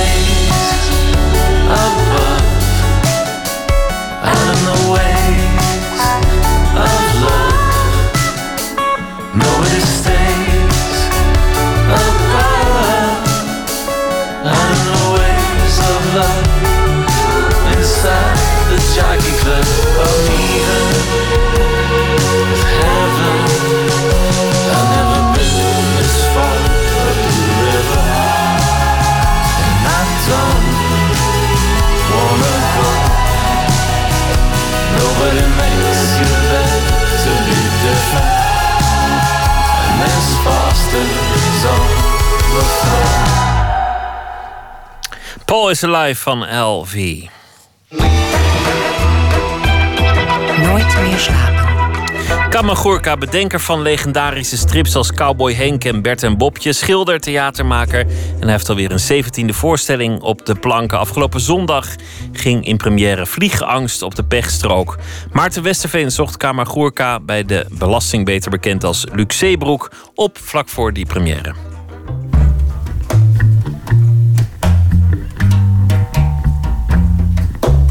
Zoetermeer. Regenachtig Zoetermeer. Kamagurka laat op zich wachten. Hij zit vast in het verkeer. Heel passend, aangezien zijn voorstelling Vliegangst op de pechstrook in een monsterfile aanvangt. Wachtend bij het podium moet ik denken aan een strip van Kamagurka die mij al 20, 20 jaar aan het lachen maakt. Twee mannen in een woonkamer, elk in een stoel. De rest van de ruimte gevuld met een enorme hond die een van de twee woest aanstaart. De ander vertelt de een vrolijk: Ik geloof dat hij wil dat u een liedje voor hem zingt. Elke keer moet ik weer lachen. En ik snap nog steeds niet na al die jaren waarom ik er zo om moet lachen. Eenmaal gearriveerd vraag ik Kamagurka naar die grap. Maar ik ben mezelf ook vergeten. Maar ik, ik kan me voorstellen dat ik hem getekend heb. Maar ik, heb, ik ben nog net uitgerekend. Ik heb alleen al cartoons heb ik waarschijnlijk iets van de 50.000 tekeningen gemaakt. De laatste duizend, die zal ik mij nog herinneren, denk ik. Maar al wat dat daarvoor komt, is voor mij... eh, Dan heb ik ook nog tekeningen, die, heel veel tekeningen die ik maak, die geen cartoons zijn, maar die gewoon rare dingen zijn gewoon. Dan heb ik ook nog schilderijen dat ik ook al uh, en masse produceer tegenwoordig. Als je dan zo'n tekening... Maar ik kan me voorstellen dat het een grappige tekening is. Ik denk dat het is omdat er een zekere angst en spanning ook is. En ook dat zo'n hele grote hond die in die kamer ligt... Uh, ja.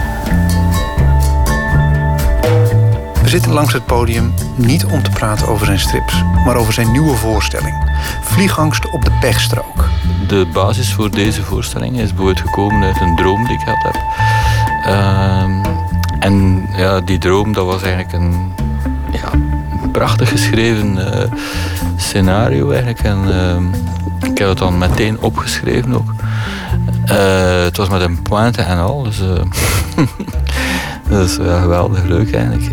En ik dacht van ja, dat is, een, een schoon cadeautje dat ik hier heb. En ik ga dat nu een keer uitwerken en dan is, dat die, is die voorstelling hier eigenlijk geworden. we waren op reis naar Frankrijk en ehm, we hadden uh, zeven uur extra files gehad. Uh, dus dat was tamelijk uh, indrukwekkend, moet ik zeggen. Um, en dan een paar dagen later, midden in de nacht, word ik wakker vanuit een droom. Waarin dat ik eigenlijk droom dat ik in, in, een geweldige file stond. Maar na de peage te zijn gepasseerd begonnen terug te rijden eigenlijk, maar dan zodanig te rijden dat er om duur geen auto's of niks meer was. En dat ik helemaal alleen op de baan zat en dat ik eigenlijk uh, ja, die file een beetje aan het missen was eigenlijk. Dat ik al begon uh, mij eenzaam te voelen en dan uiteindelijk uh, had ik geen benzine meer en moest ik stoppen een tankstation. En uh, nadat ik getankt had, vroeg ik aan die, die, man, uh, ik zei, hoe zit dat eigenlijk? Waar zijn de files naartoe? En zegt hij, uh, meneer, weet je dat dan niet? ze hebben het fileprobleem voorgoed opgelost.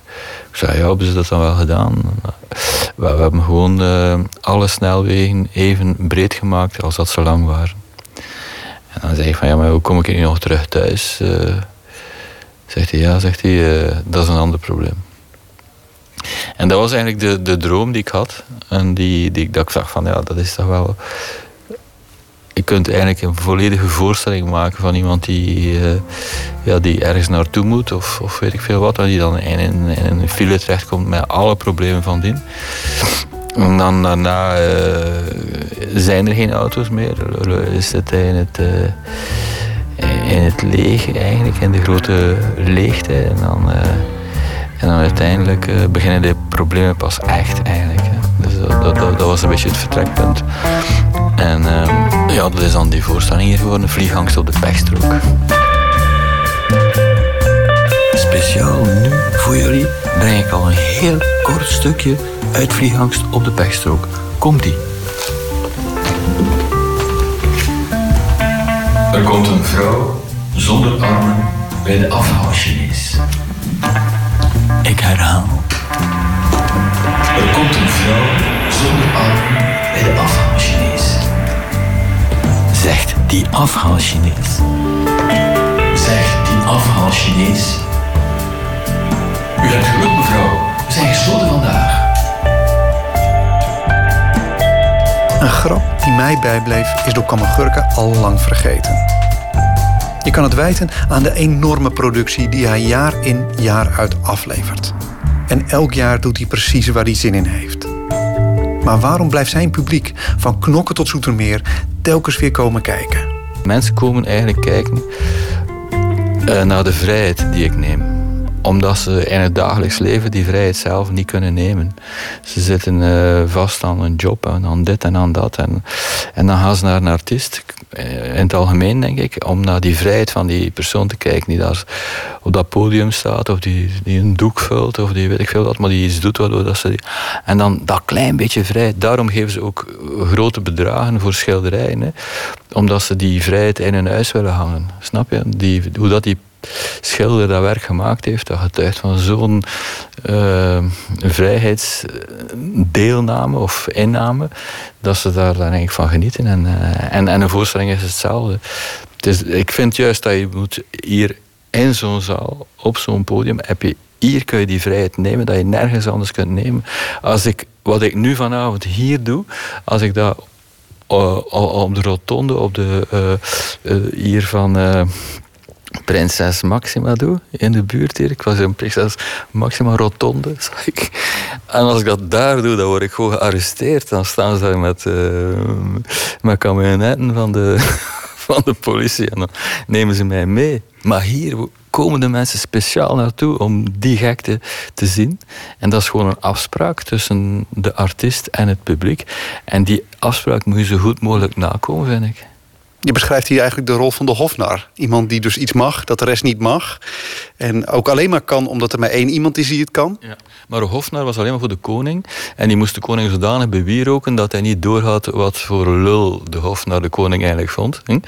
Ehm, hier is het publiek eigenlijk de koning.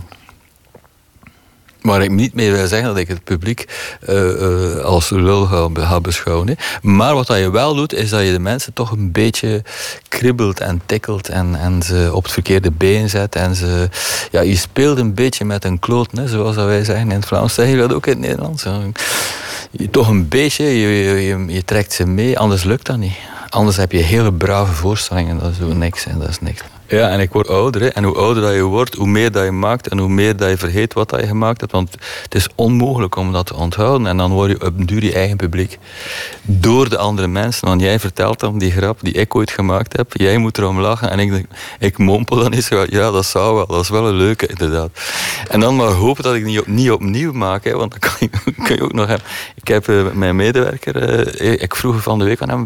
Ik zeg, Bert, eh, zou dat kunnen dat ik dat ik grappen, eh, cartoons maak, eh, die ik al eens gemaakt heb. Ja, zegt hij, dat heb je al één keer gedaan. maar je hebt dat niet willen zeggen tegen mij. Maar die catalogeert al die dingen, dus die, die houdt dat allemaal wel bij. Dus ja, kan je voorstellen dat je twee keer dezelfde tekening maakt en dat je niet, niet eens weet dat je die ooit al gemaakt hebt. Dat is heel pijnlijk. Maar natuurlijk, ja, je hebt, een cartoon is vaak ook een combinatie van een paar dingetjes. Hè. Mannetje, vrouwtje, mannetje, mannetje, vrouwtje, vrouwtje, vrouwtje, hond, afgrond, eh, bos, krokodil, eh, biertje, theater, podium. Ja, het zijn allemaal zijn veel mogelijkheden, maar ze komen altijd maar terug. Hè. Hoeveel grappen heb ik nog niet gemaakt van iemand die bijvoorbeeld een microfoon onder iemand zijn neus duwt en die dan een vraag stelt waar hij moet op antwoorden. Al heel veel keren eigenlijk. En dat komt dan wel, soms is hetzelfde zinnetje uit misschien, ik weet het niet. Maar ik vind het in elk geval leuk van jezelf te kunnen verrassen met je eigen werk. Dat is de, de ode aan eh, het geheugenverlies eigenlijk. Hè. Je eigen publiek worden met, naarmate je ouder wordt. Juichend Ja. richting Alzheimer. Ja. Nou, dat zou ik niet zeggen. Dat vind ik, wel, dat vind ik dan weer een, eh, hoe zeg je dat? Een eh, bocht te ver. Of een, eh, maar nee, toch wel juichend richting ja, het, het vergeten eigenlijk van veel dingen. Dankjewel. Maar goed, als ik hier toe kwam, wist ik niet meer dat ik hier twee jaar geleden al geweest ben. En mijn vrouw zei, ja, maar we zijn er al geweest. En dan, ah ja, het is juist, ah ja, hier. En dan komt het allemaal terug zo. Dat is leuk. Heb jij trouwens al eens een interview met mij gedaan? Nee, Ben je dat zeker? dat weet ik vrij zeker. Ik zou het, ik zou het echt hebben geweten. Oké, ik geloof je. Ja, nu weten we het niet meer natuurlijk. Nu ga ik straks, lig ik straks in bed en, en dan denk ik, is het nu al begonnen, het grote aftakelen? Maar eh, nee, vrij, nee, ik weet het zeker. Maar kun je je dat voorstellen? Dat je mij interviewt en dat je niet meer weet dat je mij ooit geïnterviewd hebt, dat je zo oud geworden bent, dat je dan dezelfde vraag stelt en dat ik hetzelfde antwoord krijg van iemand die niet meer weet dat hij ooit dat antwoord aan jou gegeven heeft. En dat ze allebei denken dat ze dit interview voor de eerste keer doen. En dat het pas uitgezonden wordt, beluisterd wordt door mensen die het al twee keer gehoord hebben, maar die, die weten dat ze het ooit gehoord hebben, omdat ze zo oud zijn. In dat soort wereld gaan we. Daar gaan we naartoe.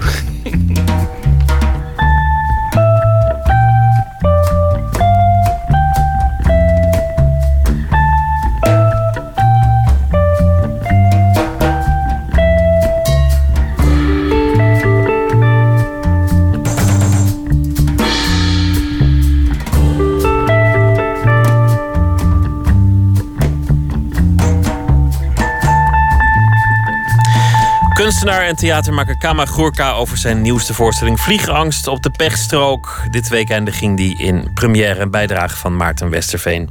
Werd bekend als zanger van Gnals Barkie met de megahit Crazy. Daarna ging hij verder met eh, nog zo'n hit Fuck You, de Amerikaanse soulzanger CeeLo Green. En er is nou een eh, nieuw album uit, Heart Blanche is daarvan de titel. En het nummer heet CeeLo Green Sings the Blues.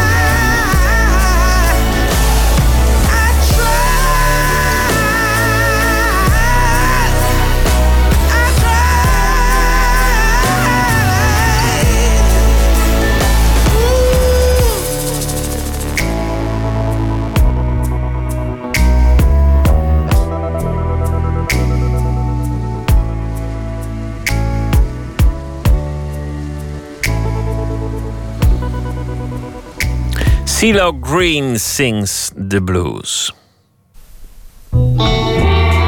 Nooit meer slapen.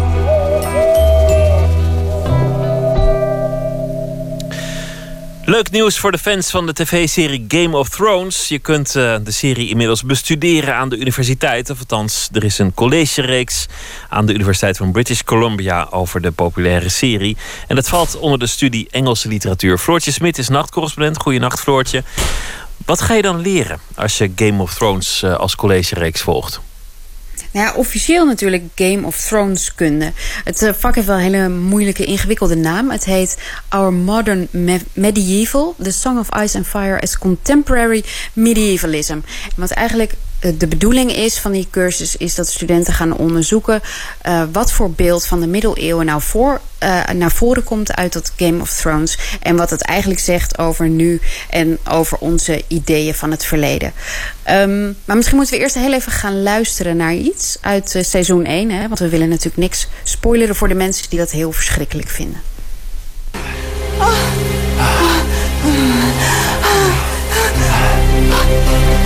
Stop! Stop!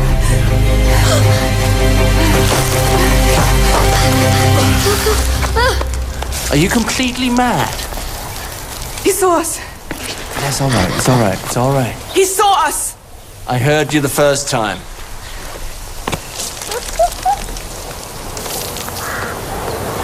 Quite the little climb, aren't you? How old are you, boy? Ten. Ten. Things I do for love. Ja, als je dit niet nou, helemaal hebt begrepen... Niet, niet helemaal, nee. Eigenlijk niet. er wordt een, een tienjarig kind wordt uit een, uh, uit een toren geduwd... Uh, die uh, een, een, stel heeft betrapt op seks. Dus eigenlijk is het Game of Thrones in een, in een, noten, een notendop. Dus seks en geweld. En dat staat ook op de website van, van de universiteit. Dat als je daar nou ja, moeite mee hebt... dan is dit niet echt een vak om te volgen. Maar Game of Thrones, hoe, hoe uh, mooi uh, het allemaal ook is, heeft toch eigenlijk helemaal niet zo heel veel te maken met de middeleeuwen? Nee, nee, de, en precies. Daar hoef je ook geen geschiedenis voor gestudeerd te hebben, want er zitten ook allemaal draken in en zo. Um, historicus Peter Raats, hij is uh, emeritus hoogleraar in de middeleeuwse geschiedenis. En hij schreef onder andere het boek De ontdekking van de middeleeuwen, geschiedenis van een illusie. En hij zegt daar dit over.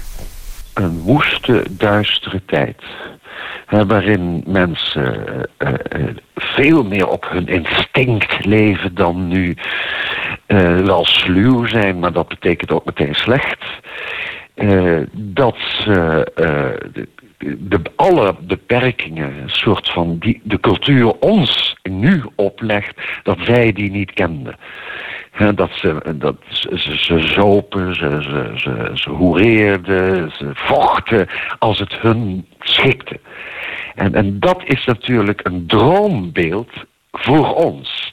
En wij zijn zo ingepakt en ingeketend in een cultuur die ons allerlei beperkingen oplegt, dat het heerlijk is om te dromen over een cultuur waarin dat niet het geval is. Het is dus ook wel weer interessant wat het over onze eigen tijd zegt, de populariteit van de serie. Ja, precies. En dat is eigenlijk wat ze bij die uh, universiteit gaan onderzoeken. Uh, ik heb gevraagd aan Peter Raats of hij een fan was van de serie. Hij is echt wel na een poosje afgehaakt. Maar hij vindt het wel uh, nuttig om zo'n vak te geven op de universiteit. Om onze huidige beschaving te bestuderen... is het heel belangrijk om te kijken wat mensen mooi vinden... wat ze leuk vinden, wat hen amuseert. Dat vind ik heel erg belangrijk. Um, maar ja, u belt me natuurlijk omdat u waarschijnlijk weet dat ik daar ook een boek over geschreven heb. En dan bestudeer ik precies dat. Waarom gingen mensen zich voor de middeleeuwen interesseren? En het interesseert me geen, uh, helemaal niet of wat ze over die middeleeuwen gingen denken of dat waar was. Ik denk, ja, het is gek dat die mensen met middeleeuwen bezig zijn. En dan zeg ik nu gek dat Games of Thrones zo'n doorslaand succes is. Dus het is gewoon de moeite waard om dat te bestuderen. Alleen als we maar niet denken dat we daarmee de middeleeuwen beter leren kennen. We leren onze eigen tijd beter kennen. Waarom kijken mensen nu naar Game of Thrones? En dat is een hele interessante vraag. Gebeurt natuurlijk wel vaker hè, dat je een populaire serie of iets, iets populairs neemt en dat dan als uitgangspunt neemt voor, voor een ander verhaal. In, in mijn studententijd eh, bij geschiedenis dan begon de, de oudheid met Asterix en Obelix bijvoorbeeld. ja, precies. En ik heb heel lang het manbeeld van, eh, bestudeerd van actiehelden uit de jaren tachtig. En wat dat dan zei over de periode Reagan in eh, Amerika. En ik heb onlangs, stuitte ik ook op een symposium. Ja, dat is echt een verschrikkelijke woordspeling. Maar goed, het gaat namelijk over de Disney-film Frozen. En die werd dan ook uitgebreid bestudeerd vanuit allerlei invalshoeken. Vanuit het feminisme en het verband tussen de film en, uh, en uh, pro-anorexia-sites. Nou, in Game of Thrones zelf was eigenlijk ook al onderdeel van een zomercursus aan, uh, aan Berkeley. Toch niet bepaald de minste universiteit, zou je zeggen. Um, in Nederland gebeurt het ook. Uh, aan de UvA bijvoorbeeld, dan kan je via sociale en politieke wetenschappen een vak volgen over de politieserie The Wire. Um, degene die dat heeft opgezet, dat is uh, Rob van S. En volgens hem kan je eigenlijk heel veel leren van The Wire. Het gaat over de grote stadsproblematiek. Het gaat over sociale ongelijkheid, over het, het, leven van de onderklasse en de pogingen om eruit te komen en dat lukt maar steeds niet. Het gaat ook over oude arbeid, die verdwijnt. Denk maar aan de haven, waar we een, een van de seizoenen helemaal over gaat. Omdat alles gedigitaliseerd wordt en geautomatiseerd wordt. Het gaat ook over dat er steeds geprobeerd wordt iets te verbeteren in zo'n complexe stad. Maar dat dat nauwelijks gaat. Er verandert steeds wel wat, maar dat verbetert niet echt wat. Dat zijn allemaal thematieken die je natuurlijk vanuit de sociale wetenschap en vanuit de geesteswetenschappen prachtig kunt thematiseren. Ja, en het handige van zo'n serie is dat je gewoon eigenlijk een hele uitgebreide casus hebt. Hè. Het is 60 uur, die problematiek wordt dan van alle kanten belicht. Van de drugsdealers tot de politiek en de politie. En um, ja, hij zei ook, de studenten van nu zijn gewoon gewend aan beeld. Dus voor hen is dit helemaal niet zo heel erg vreemd. Nou, ik zat eigenlijk zelf dan meer te denken aan die dan altijd collegegeld betalen en er dan achter komen dat hun kind gewoon lekker de hele tijd televisie zit te kijken tijdens college. Lijkt mij persoonlijk niet echt heel prettig. Maar volgens Rob van S moet je dat eigenlijk omdraaien. Het is eigenlijk heel erg goed dat ze juist veel meer uit die televisieseries halen. Ik kijk er eerst gewoon naar om uh, door het verhaal mee te laten voeren en zien wat, wat dat allemaal oplevert aan ervaringen. En daarna ga ik eens nadenken over de vraag, uh, klopt het eigenlijk allemaal wel? Is het wel voorspelbaar? Uh, kan ik het volgen? is dit realistisch? waar doet het me aan denken? Nou, dan komt de reflectieslag. En als dat dan vervolgens weer een hele verdieping teweeg brengt, dat zit allemaal goed in elkaar. En dat, dat zijn heel mooie linken te leggen naar andere vakgebieden. Dan heb je dus te maken met een heel leerzame ervaring ik zie niet in waarom dat uh, niet door zou kunnen gaan voor academisch materiaal. Nou ja, niet academisch, omdat het uiteindelijk natuurlijk gewoon verzinsels zijn. Ik bedoel, het blijft fictie. Ja, dat zei ik ook precies. Nee, dat valt nog wel mee, want de Wire wordt gemaakt, werd gemaakt, beter gezegd, door mensen die uitgebreide ervaring hebben als journalist en als uh, politieonderzoek, als politieagent, als commissaris en als uh, uh, politieverslaggever. Dat zijn de schrijvers van de serie.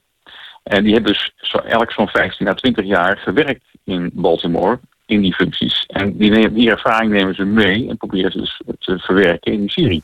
Dus het is niet zomaar een beetje fictie. Het is fictie met een geweldige dosis realiteit. En dat is, dat is ter onderscheiding van andere verhalen, bijvoorbeeld Games of Thrones, wat natuurlijk allemaal fantasy is.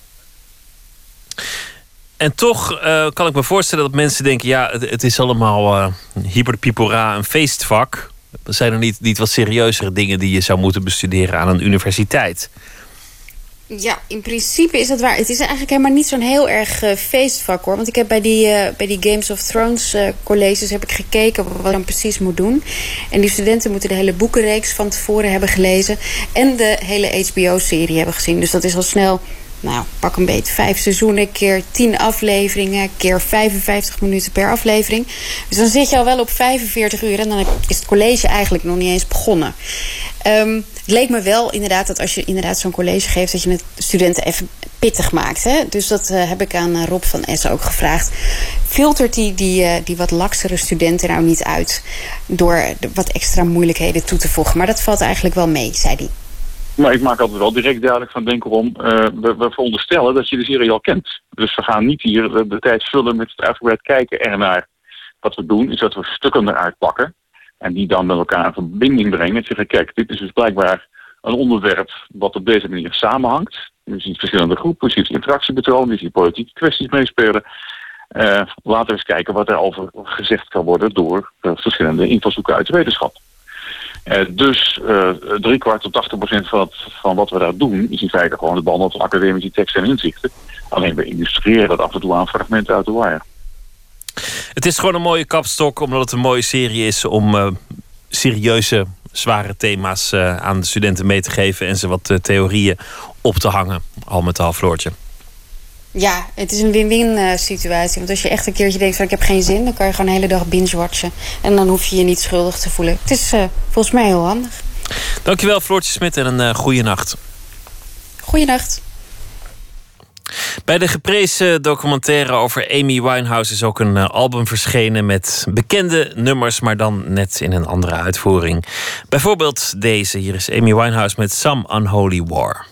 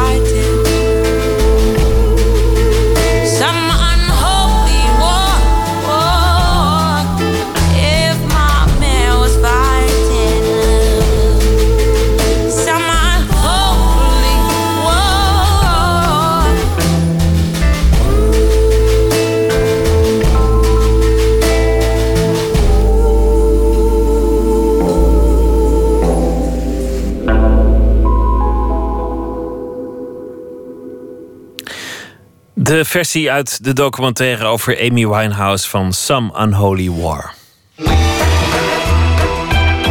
Nooit meer slapen. Eind jaren 40 begon kunstenaar en idealist Pieter Kooistra vanaf Terschelling kistjes rond te sturen met kunst naar mensen die zich daarop konden abonneren. En vanaf 1955 deed hij het met de bakfiets schilderijen rondbrengen in Amsterdam. De missie was kunst aan een breder publiek te verspreiden. Het was het begin van kunstuitleen SBK. Deze maand eh, bestaat dat 60 jaar. Voormalig directeur van het Groninger Museum Kees van Twist is nog altijd lid. Een reportage van Tjitske Mussen. Het is eind jaren 40. Mensen zijn druk bezig weer een bestaan op te bouwen. Kunstenaar Pieter Kooistra is dan eind 20. Hij woont op Terschelling en maakt zich zorgen over de samenleving. Omdat ik door het ge- geschreeuw van Hitler voor de radio ook besefte van als de mensen niet tot een eigen bewustzijnsontwikkeling komen, dan gaan ze straks weer achter een of andere idioot aanlopen. En de ontwikkeling van dat eigen bewustzijn, daar ziet hij geen plek voor in een kerk of bij een politieke partij. Hier ligt een taak voor kunst, vindt Kooistra. Omdat Kunst je confronteert met de twee kanten van jezelf. Je intuïtieve gevoelskant, je kunt zeggen de vrouwelijke kant. Maar ook met je rationele kant, want je moet het in iets omzetten. Je moet een techniek hebben en, enzovoort enzovoort. En als je die twee dingen verenigt, dan kun je zelf naar mijn mening ontstijgen. Dan kun je een trapje hoger komen dan je ik. En dat trapje hoger dan je ik, dat geldt volgens Kooistra ook voor degene die naar het kunstwerk kijkt. Maar een bezoek aan een museum of galerie is daarvoor te vluchtig, vindt hij. Net als bij verliefdheid, je kunt onmiddellijk verliefd zijn... maar het is dan ook weer heel snel voorbij. Maar pas wanneer je een mens nader leert kennen... zo kun je ook met een kunstwerk in je huis te hebben... dat nader leren kennen en dan ga je ervan houden... en zie je ook de, de diepere inhoud. Zo ontstaat het idee om kunst beschikbaar te maken voor iedereen, zodat mensen het thuis boven de bank kunnen hangen. Kooistra vraagt zijn kunstenaarsvrienden om werk af te staan. En andere bekenden vraagt hij: Wil je misschien per maand een kistje met een kunstwerk toegestuurd krijgen... en zo ontstond er zo'n dertigtal abonnees... en iedere maand dan stuur ik daar een tekening of een grafiek in. Maar het ging dan eerst eh, achter op de fiets van mij uit de Duinen naar het postkantoor in Mitsland. Dat, was een half uur fietsen, zoiets. En dan ging het met eh, de bus, of de vrachtauto ging het naar het Westerschelling. Vandaar weer met de boot naar Hallingen. En dan werd het over alle delen van Nederland zo verzonden. Het aantal abonnees groeit. En in 1955 wordt officieel de Stichting Beeldende Kunst Amsterdam opgericht, het SBK. En dat is de eerste kunstuitleen van Nederland. Eerst met vooral Amsterdamse abonnees, maar later breidt het zich ook uit naar andere delen van het land. Pieter Kooistra leeft niet meer. De fragmenten die je net hoorde komen uit een oud radio-interview. Maar kunstuitleen SBK bestaat nog steeds en viert deze maand haar 60-jarig bestaan. En dus is er een tentoonstelling in Amsterdam waarvoor een aantal bekende Nederlanders uit de collectie van inmiddels meer dan 40.000 werken hun favorieten kozen. Oké, nou, dit is ongeveer de hardheid van mijn stem. En ik denk dat Peter iets zachter spreekt, maar eh, dat weet ik niet. Dit zijn Kees van Twist, voormalig directeur van het Groningen Museum, en zijn partner Peter Weda. Ze zijn al heel lang lid van de kunstuitleen. Ik denk meer dan 30 jaar geleden dat we het eerste werkje van de SBK in huis hebben gehaald. En dat was de plank, weet ik nog wel, van Victor Vier. Hoe zag dat eruit? Dat was een staande plank, die hing niet, nee, die is hier niet. En dat was een fantastisch mooi werk. En dat heeft ook jaren bij ons in de kamer gestaan. Het stond echt half tegen de muur. En eh, op het moment dat wij het wilden... want ze zeiden, nou, dat willen we eigenlijk wel houden. Toen kon het niet meer. Toen moest het terug, weet ik nog wel. En er zijn andere schilderijen, maar als je eenmaal een abonnement hebt... dat is ook het mooie ervan. Je bouwt als het ware met je abonnementschap... bouw je een kapitaaltje op... en op de duur kun je datzelfde werk ook verwerven. Alleen dat werk konden wij niet verwerven... want dat was toegezegd aan een ander, weet ik veel. Maar uh, ja, we zijn eigenlijk heel lang... Hebben we, ja, we hebben kunst in huis gehaald via de SBK. Dat is het mooie ervan. En ook wel eens iets gekocht via een SPK? Ja, op een gegeven moment uh, vanzelf, uh, ook al ben je dat niet van plan. Uh, omdat je elke maand natuurlijk een beetje spaart, heb je opeens geld. En dan denk je van, hé, hey, ik kan het ook kopen. En dan van het, van het huurbedrag haal ik iets nieuws in het huis. En zo, zo komt van het een het ander.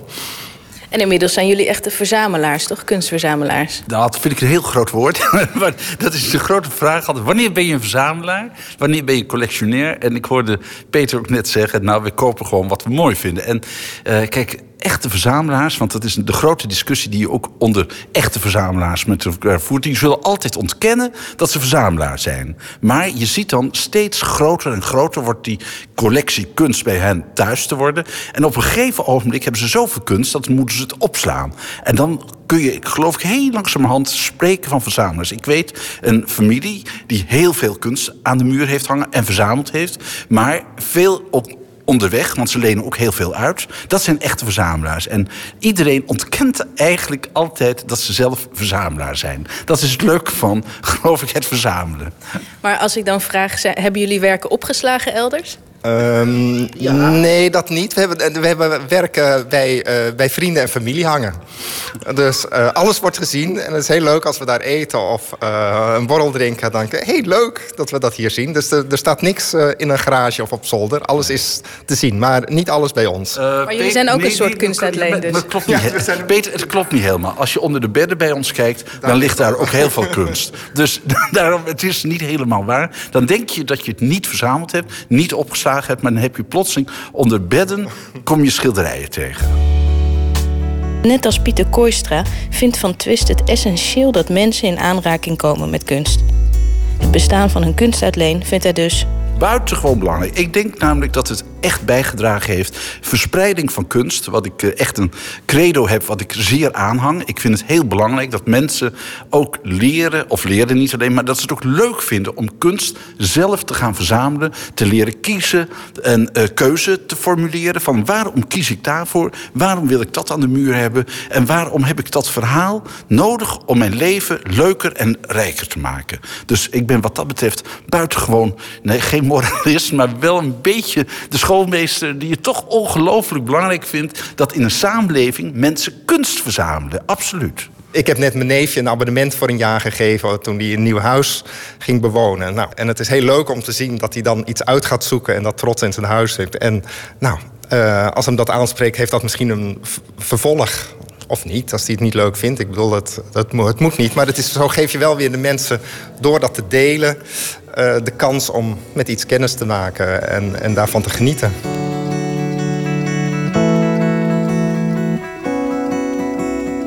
Maar nu bent u ook museumdirecteur geweest van het eh, Groningen Museum. Hebben mensen nou een andere relatie met een schilderij als ze dat zien in een museum dan wanneer ze dat thuis boven de bank hebben hangen? Eh, nee, ik denk het niet. Mensen die willen. eh, kijk, ze, je wordt hebberig. Dat is inderdaad waar. Maar mensen worden ook hebberig als ze naar een museum komen. Dan denken ze: wauw, wat is dat mooi. En kunnen we dat? Dat zouden we ook wel willen hebben. En dat is ook heel goed dat mensen een klein, klein beetje hebberig worden.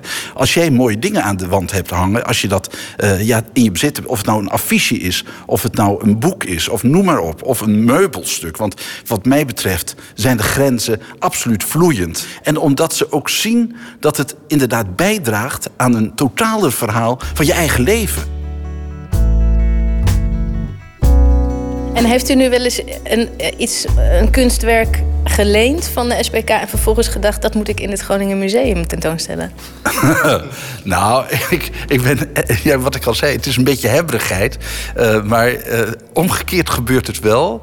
Dat je het zo. eh, kijk, je, je verdiept jezelf en je krijgt meer kennis naarmate je er verder en dieper in ingaat. Ik dacht dus dat er bij de kunstuitleen alleen werk te vinden was van kunstenaars die het museum nooit gehaald hebben of zullen halen. Maar dat blijkt helemaal niet waar. Op de tentoonstelling zie ik ook werk van Anton Heijboer, Henk Wilschut en Armando. Claude Jongstra, daar, dat hebben we uitgekozen voor een tentoonstelling hier. En dat is een hele grote naam. Internationaal ook. En nog steeds is werk van haar in de verzameling van de SBK. En dat vind ik ontzettend ja, gaaf, om het zo maar eens te zeggen. Dat is natuurlijk geweldig, dat het er nog steeds is. En heel bijzonder dat mensen dat dan gewoon lekker thuis kunnen ophangen. Ja, maar het is natuurlijk niet zo dat je alleen maar op zoek moet naar de grote namen. Je moet kijken, wat vind je mooi, wat past bij jou, wat, wat, wat is fijn om in je omgeving te hebben. En eh, ja, sommige mensen breken door omdat ze meer bekendheid krijgen en het oog op ze valt. Maar dat wil niet zeggen dat de andere werken je niet evenveel plezier in je leven kunnen geven... en je ogen kunnen openen over schoonheid en vragen in het leven. Maar hoe mooi je het kunstwerk ook vindt, er komt een dag dat je het weer moet inleveren. Het leuke is het doorgeven. Namelijk, dat vind ik ook een van de knappe dingen van de SBK. Dat je, eh, ja, je hecht eraan, maar je moet ook leren te onthechten. Zo nu en dan moet je ook weer verder. Moet je weer nieuwsgierig naar nieuwe fasen kijken, nieuwe kunstenaars. En dat is een van de belangrijkste dingen ook van de SBK. Dat je niet eh, een soort kokerdenken krijgt. Dat je alleen maar dat het ene schilderij wat jij toevallig verworven hebt, dat je daarop concentreert. Maar dat je juist de nieuwsgierigheid blijft houden naar nieuwe kunstenaars die je niet kent. Vormgeving die je ook totaal niet kent. En dat vind ik het knap ook van de SBK. Dat het ook een beetje educatief is naar jezelf toe.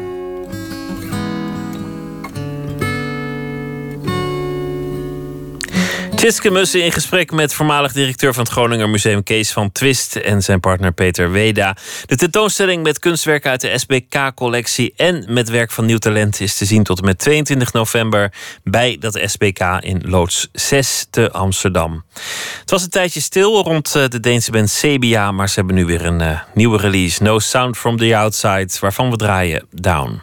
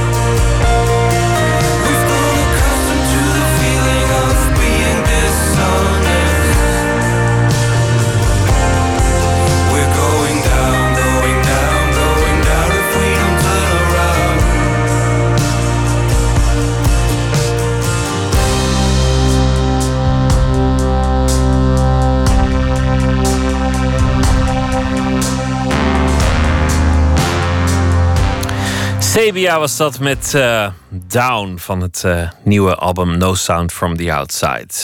We eindigen met een uh, dichter die elke nacht een gedicht zal uitkiezen en voordragen. Deze week de keuze van Esther Jansma, gedebuteerd in 1988 met de bundel Stem onder mijn bed. Eerder dit jaar verscheen ook een bloemlezing uit haar werk voor Altijd Ergens. En recent ook nog een roman, De Messias.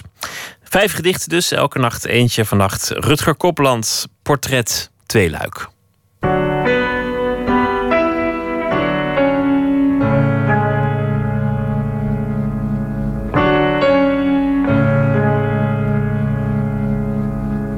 Ik vond het tweelinggedicht Portret van Rutger Kopland in 1987 in een tijdschrift, De Revisor.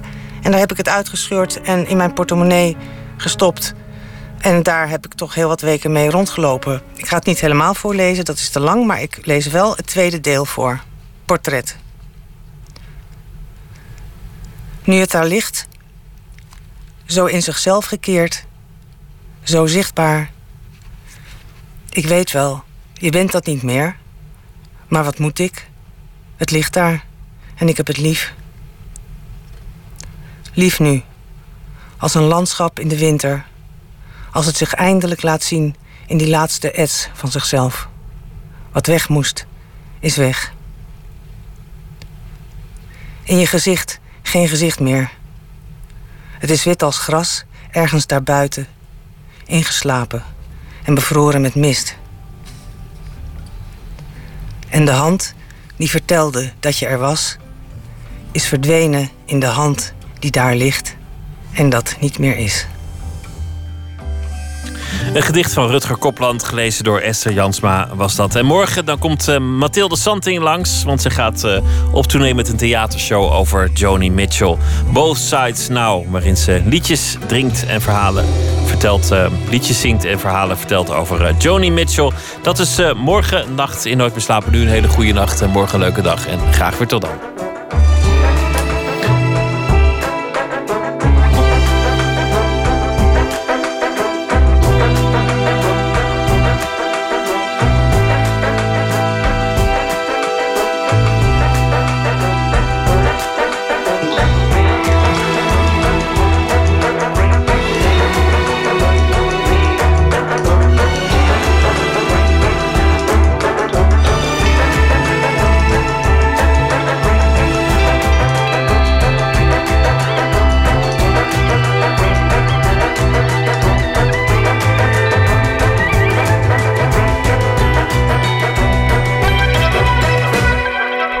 Radio 1.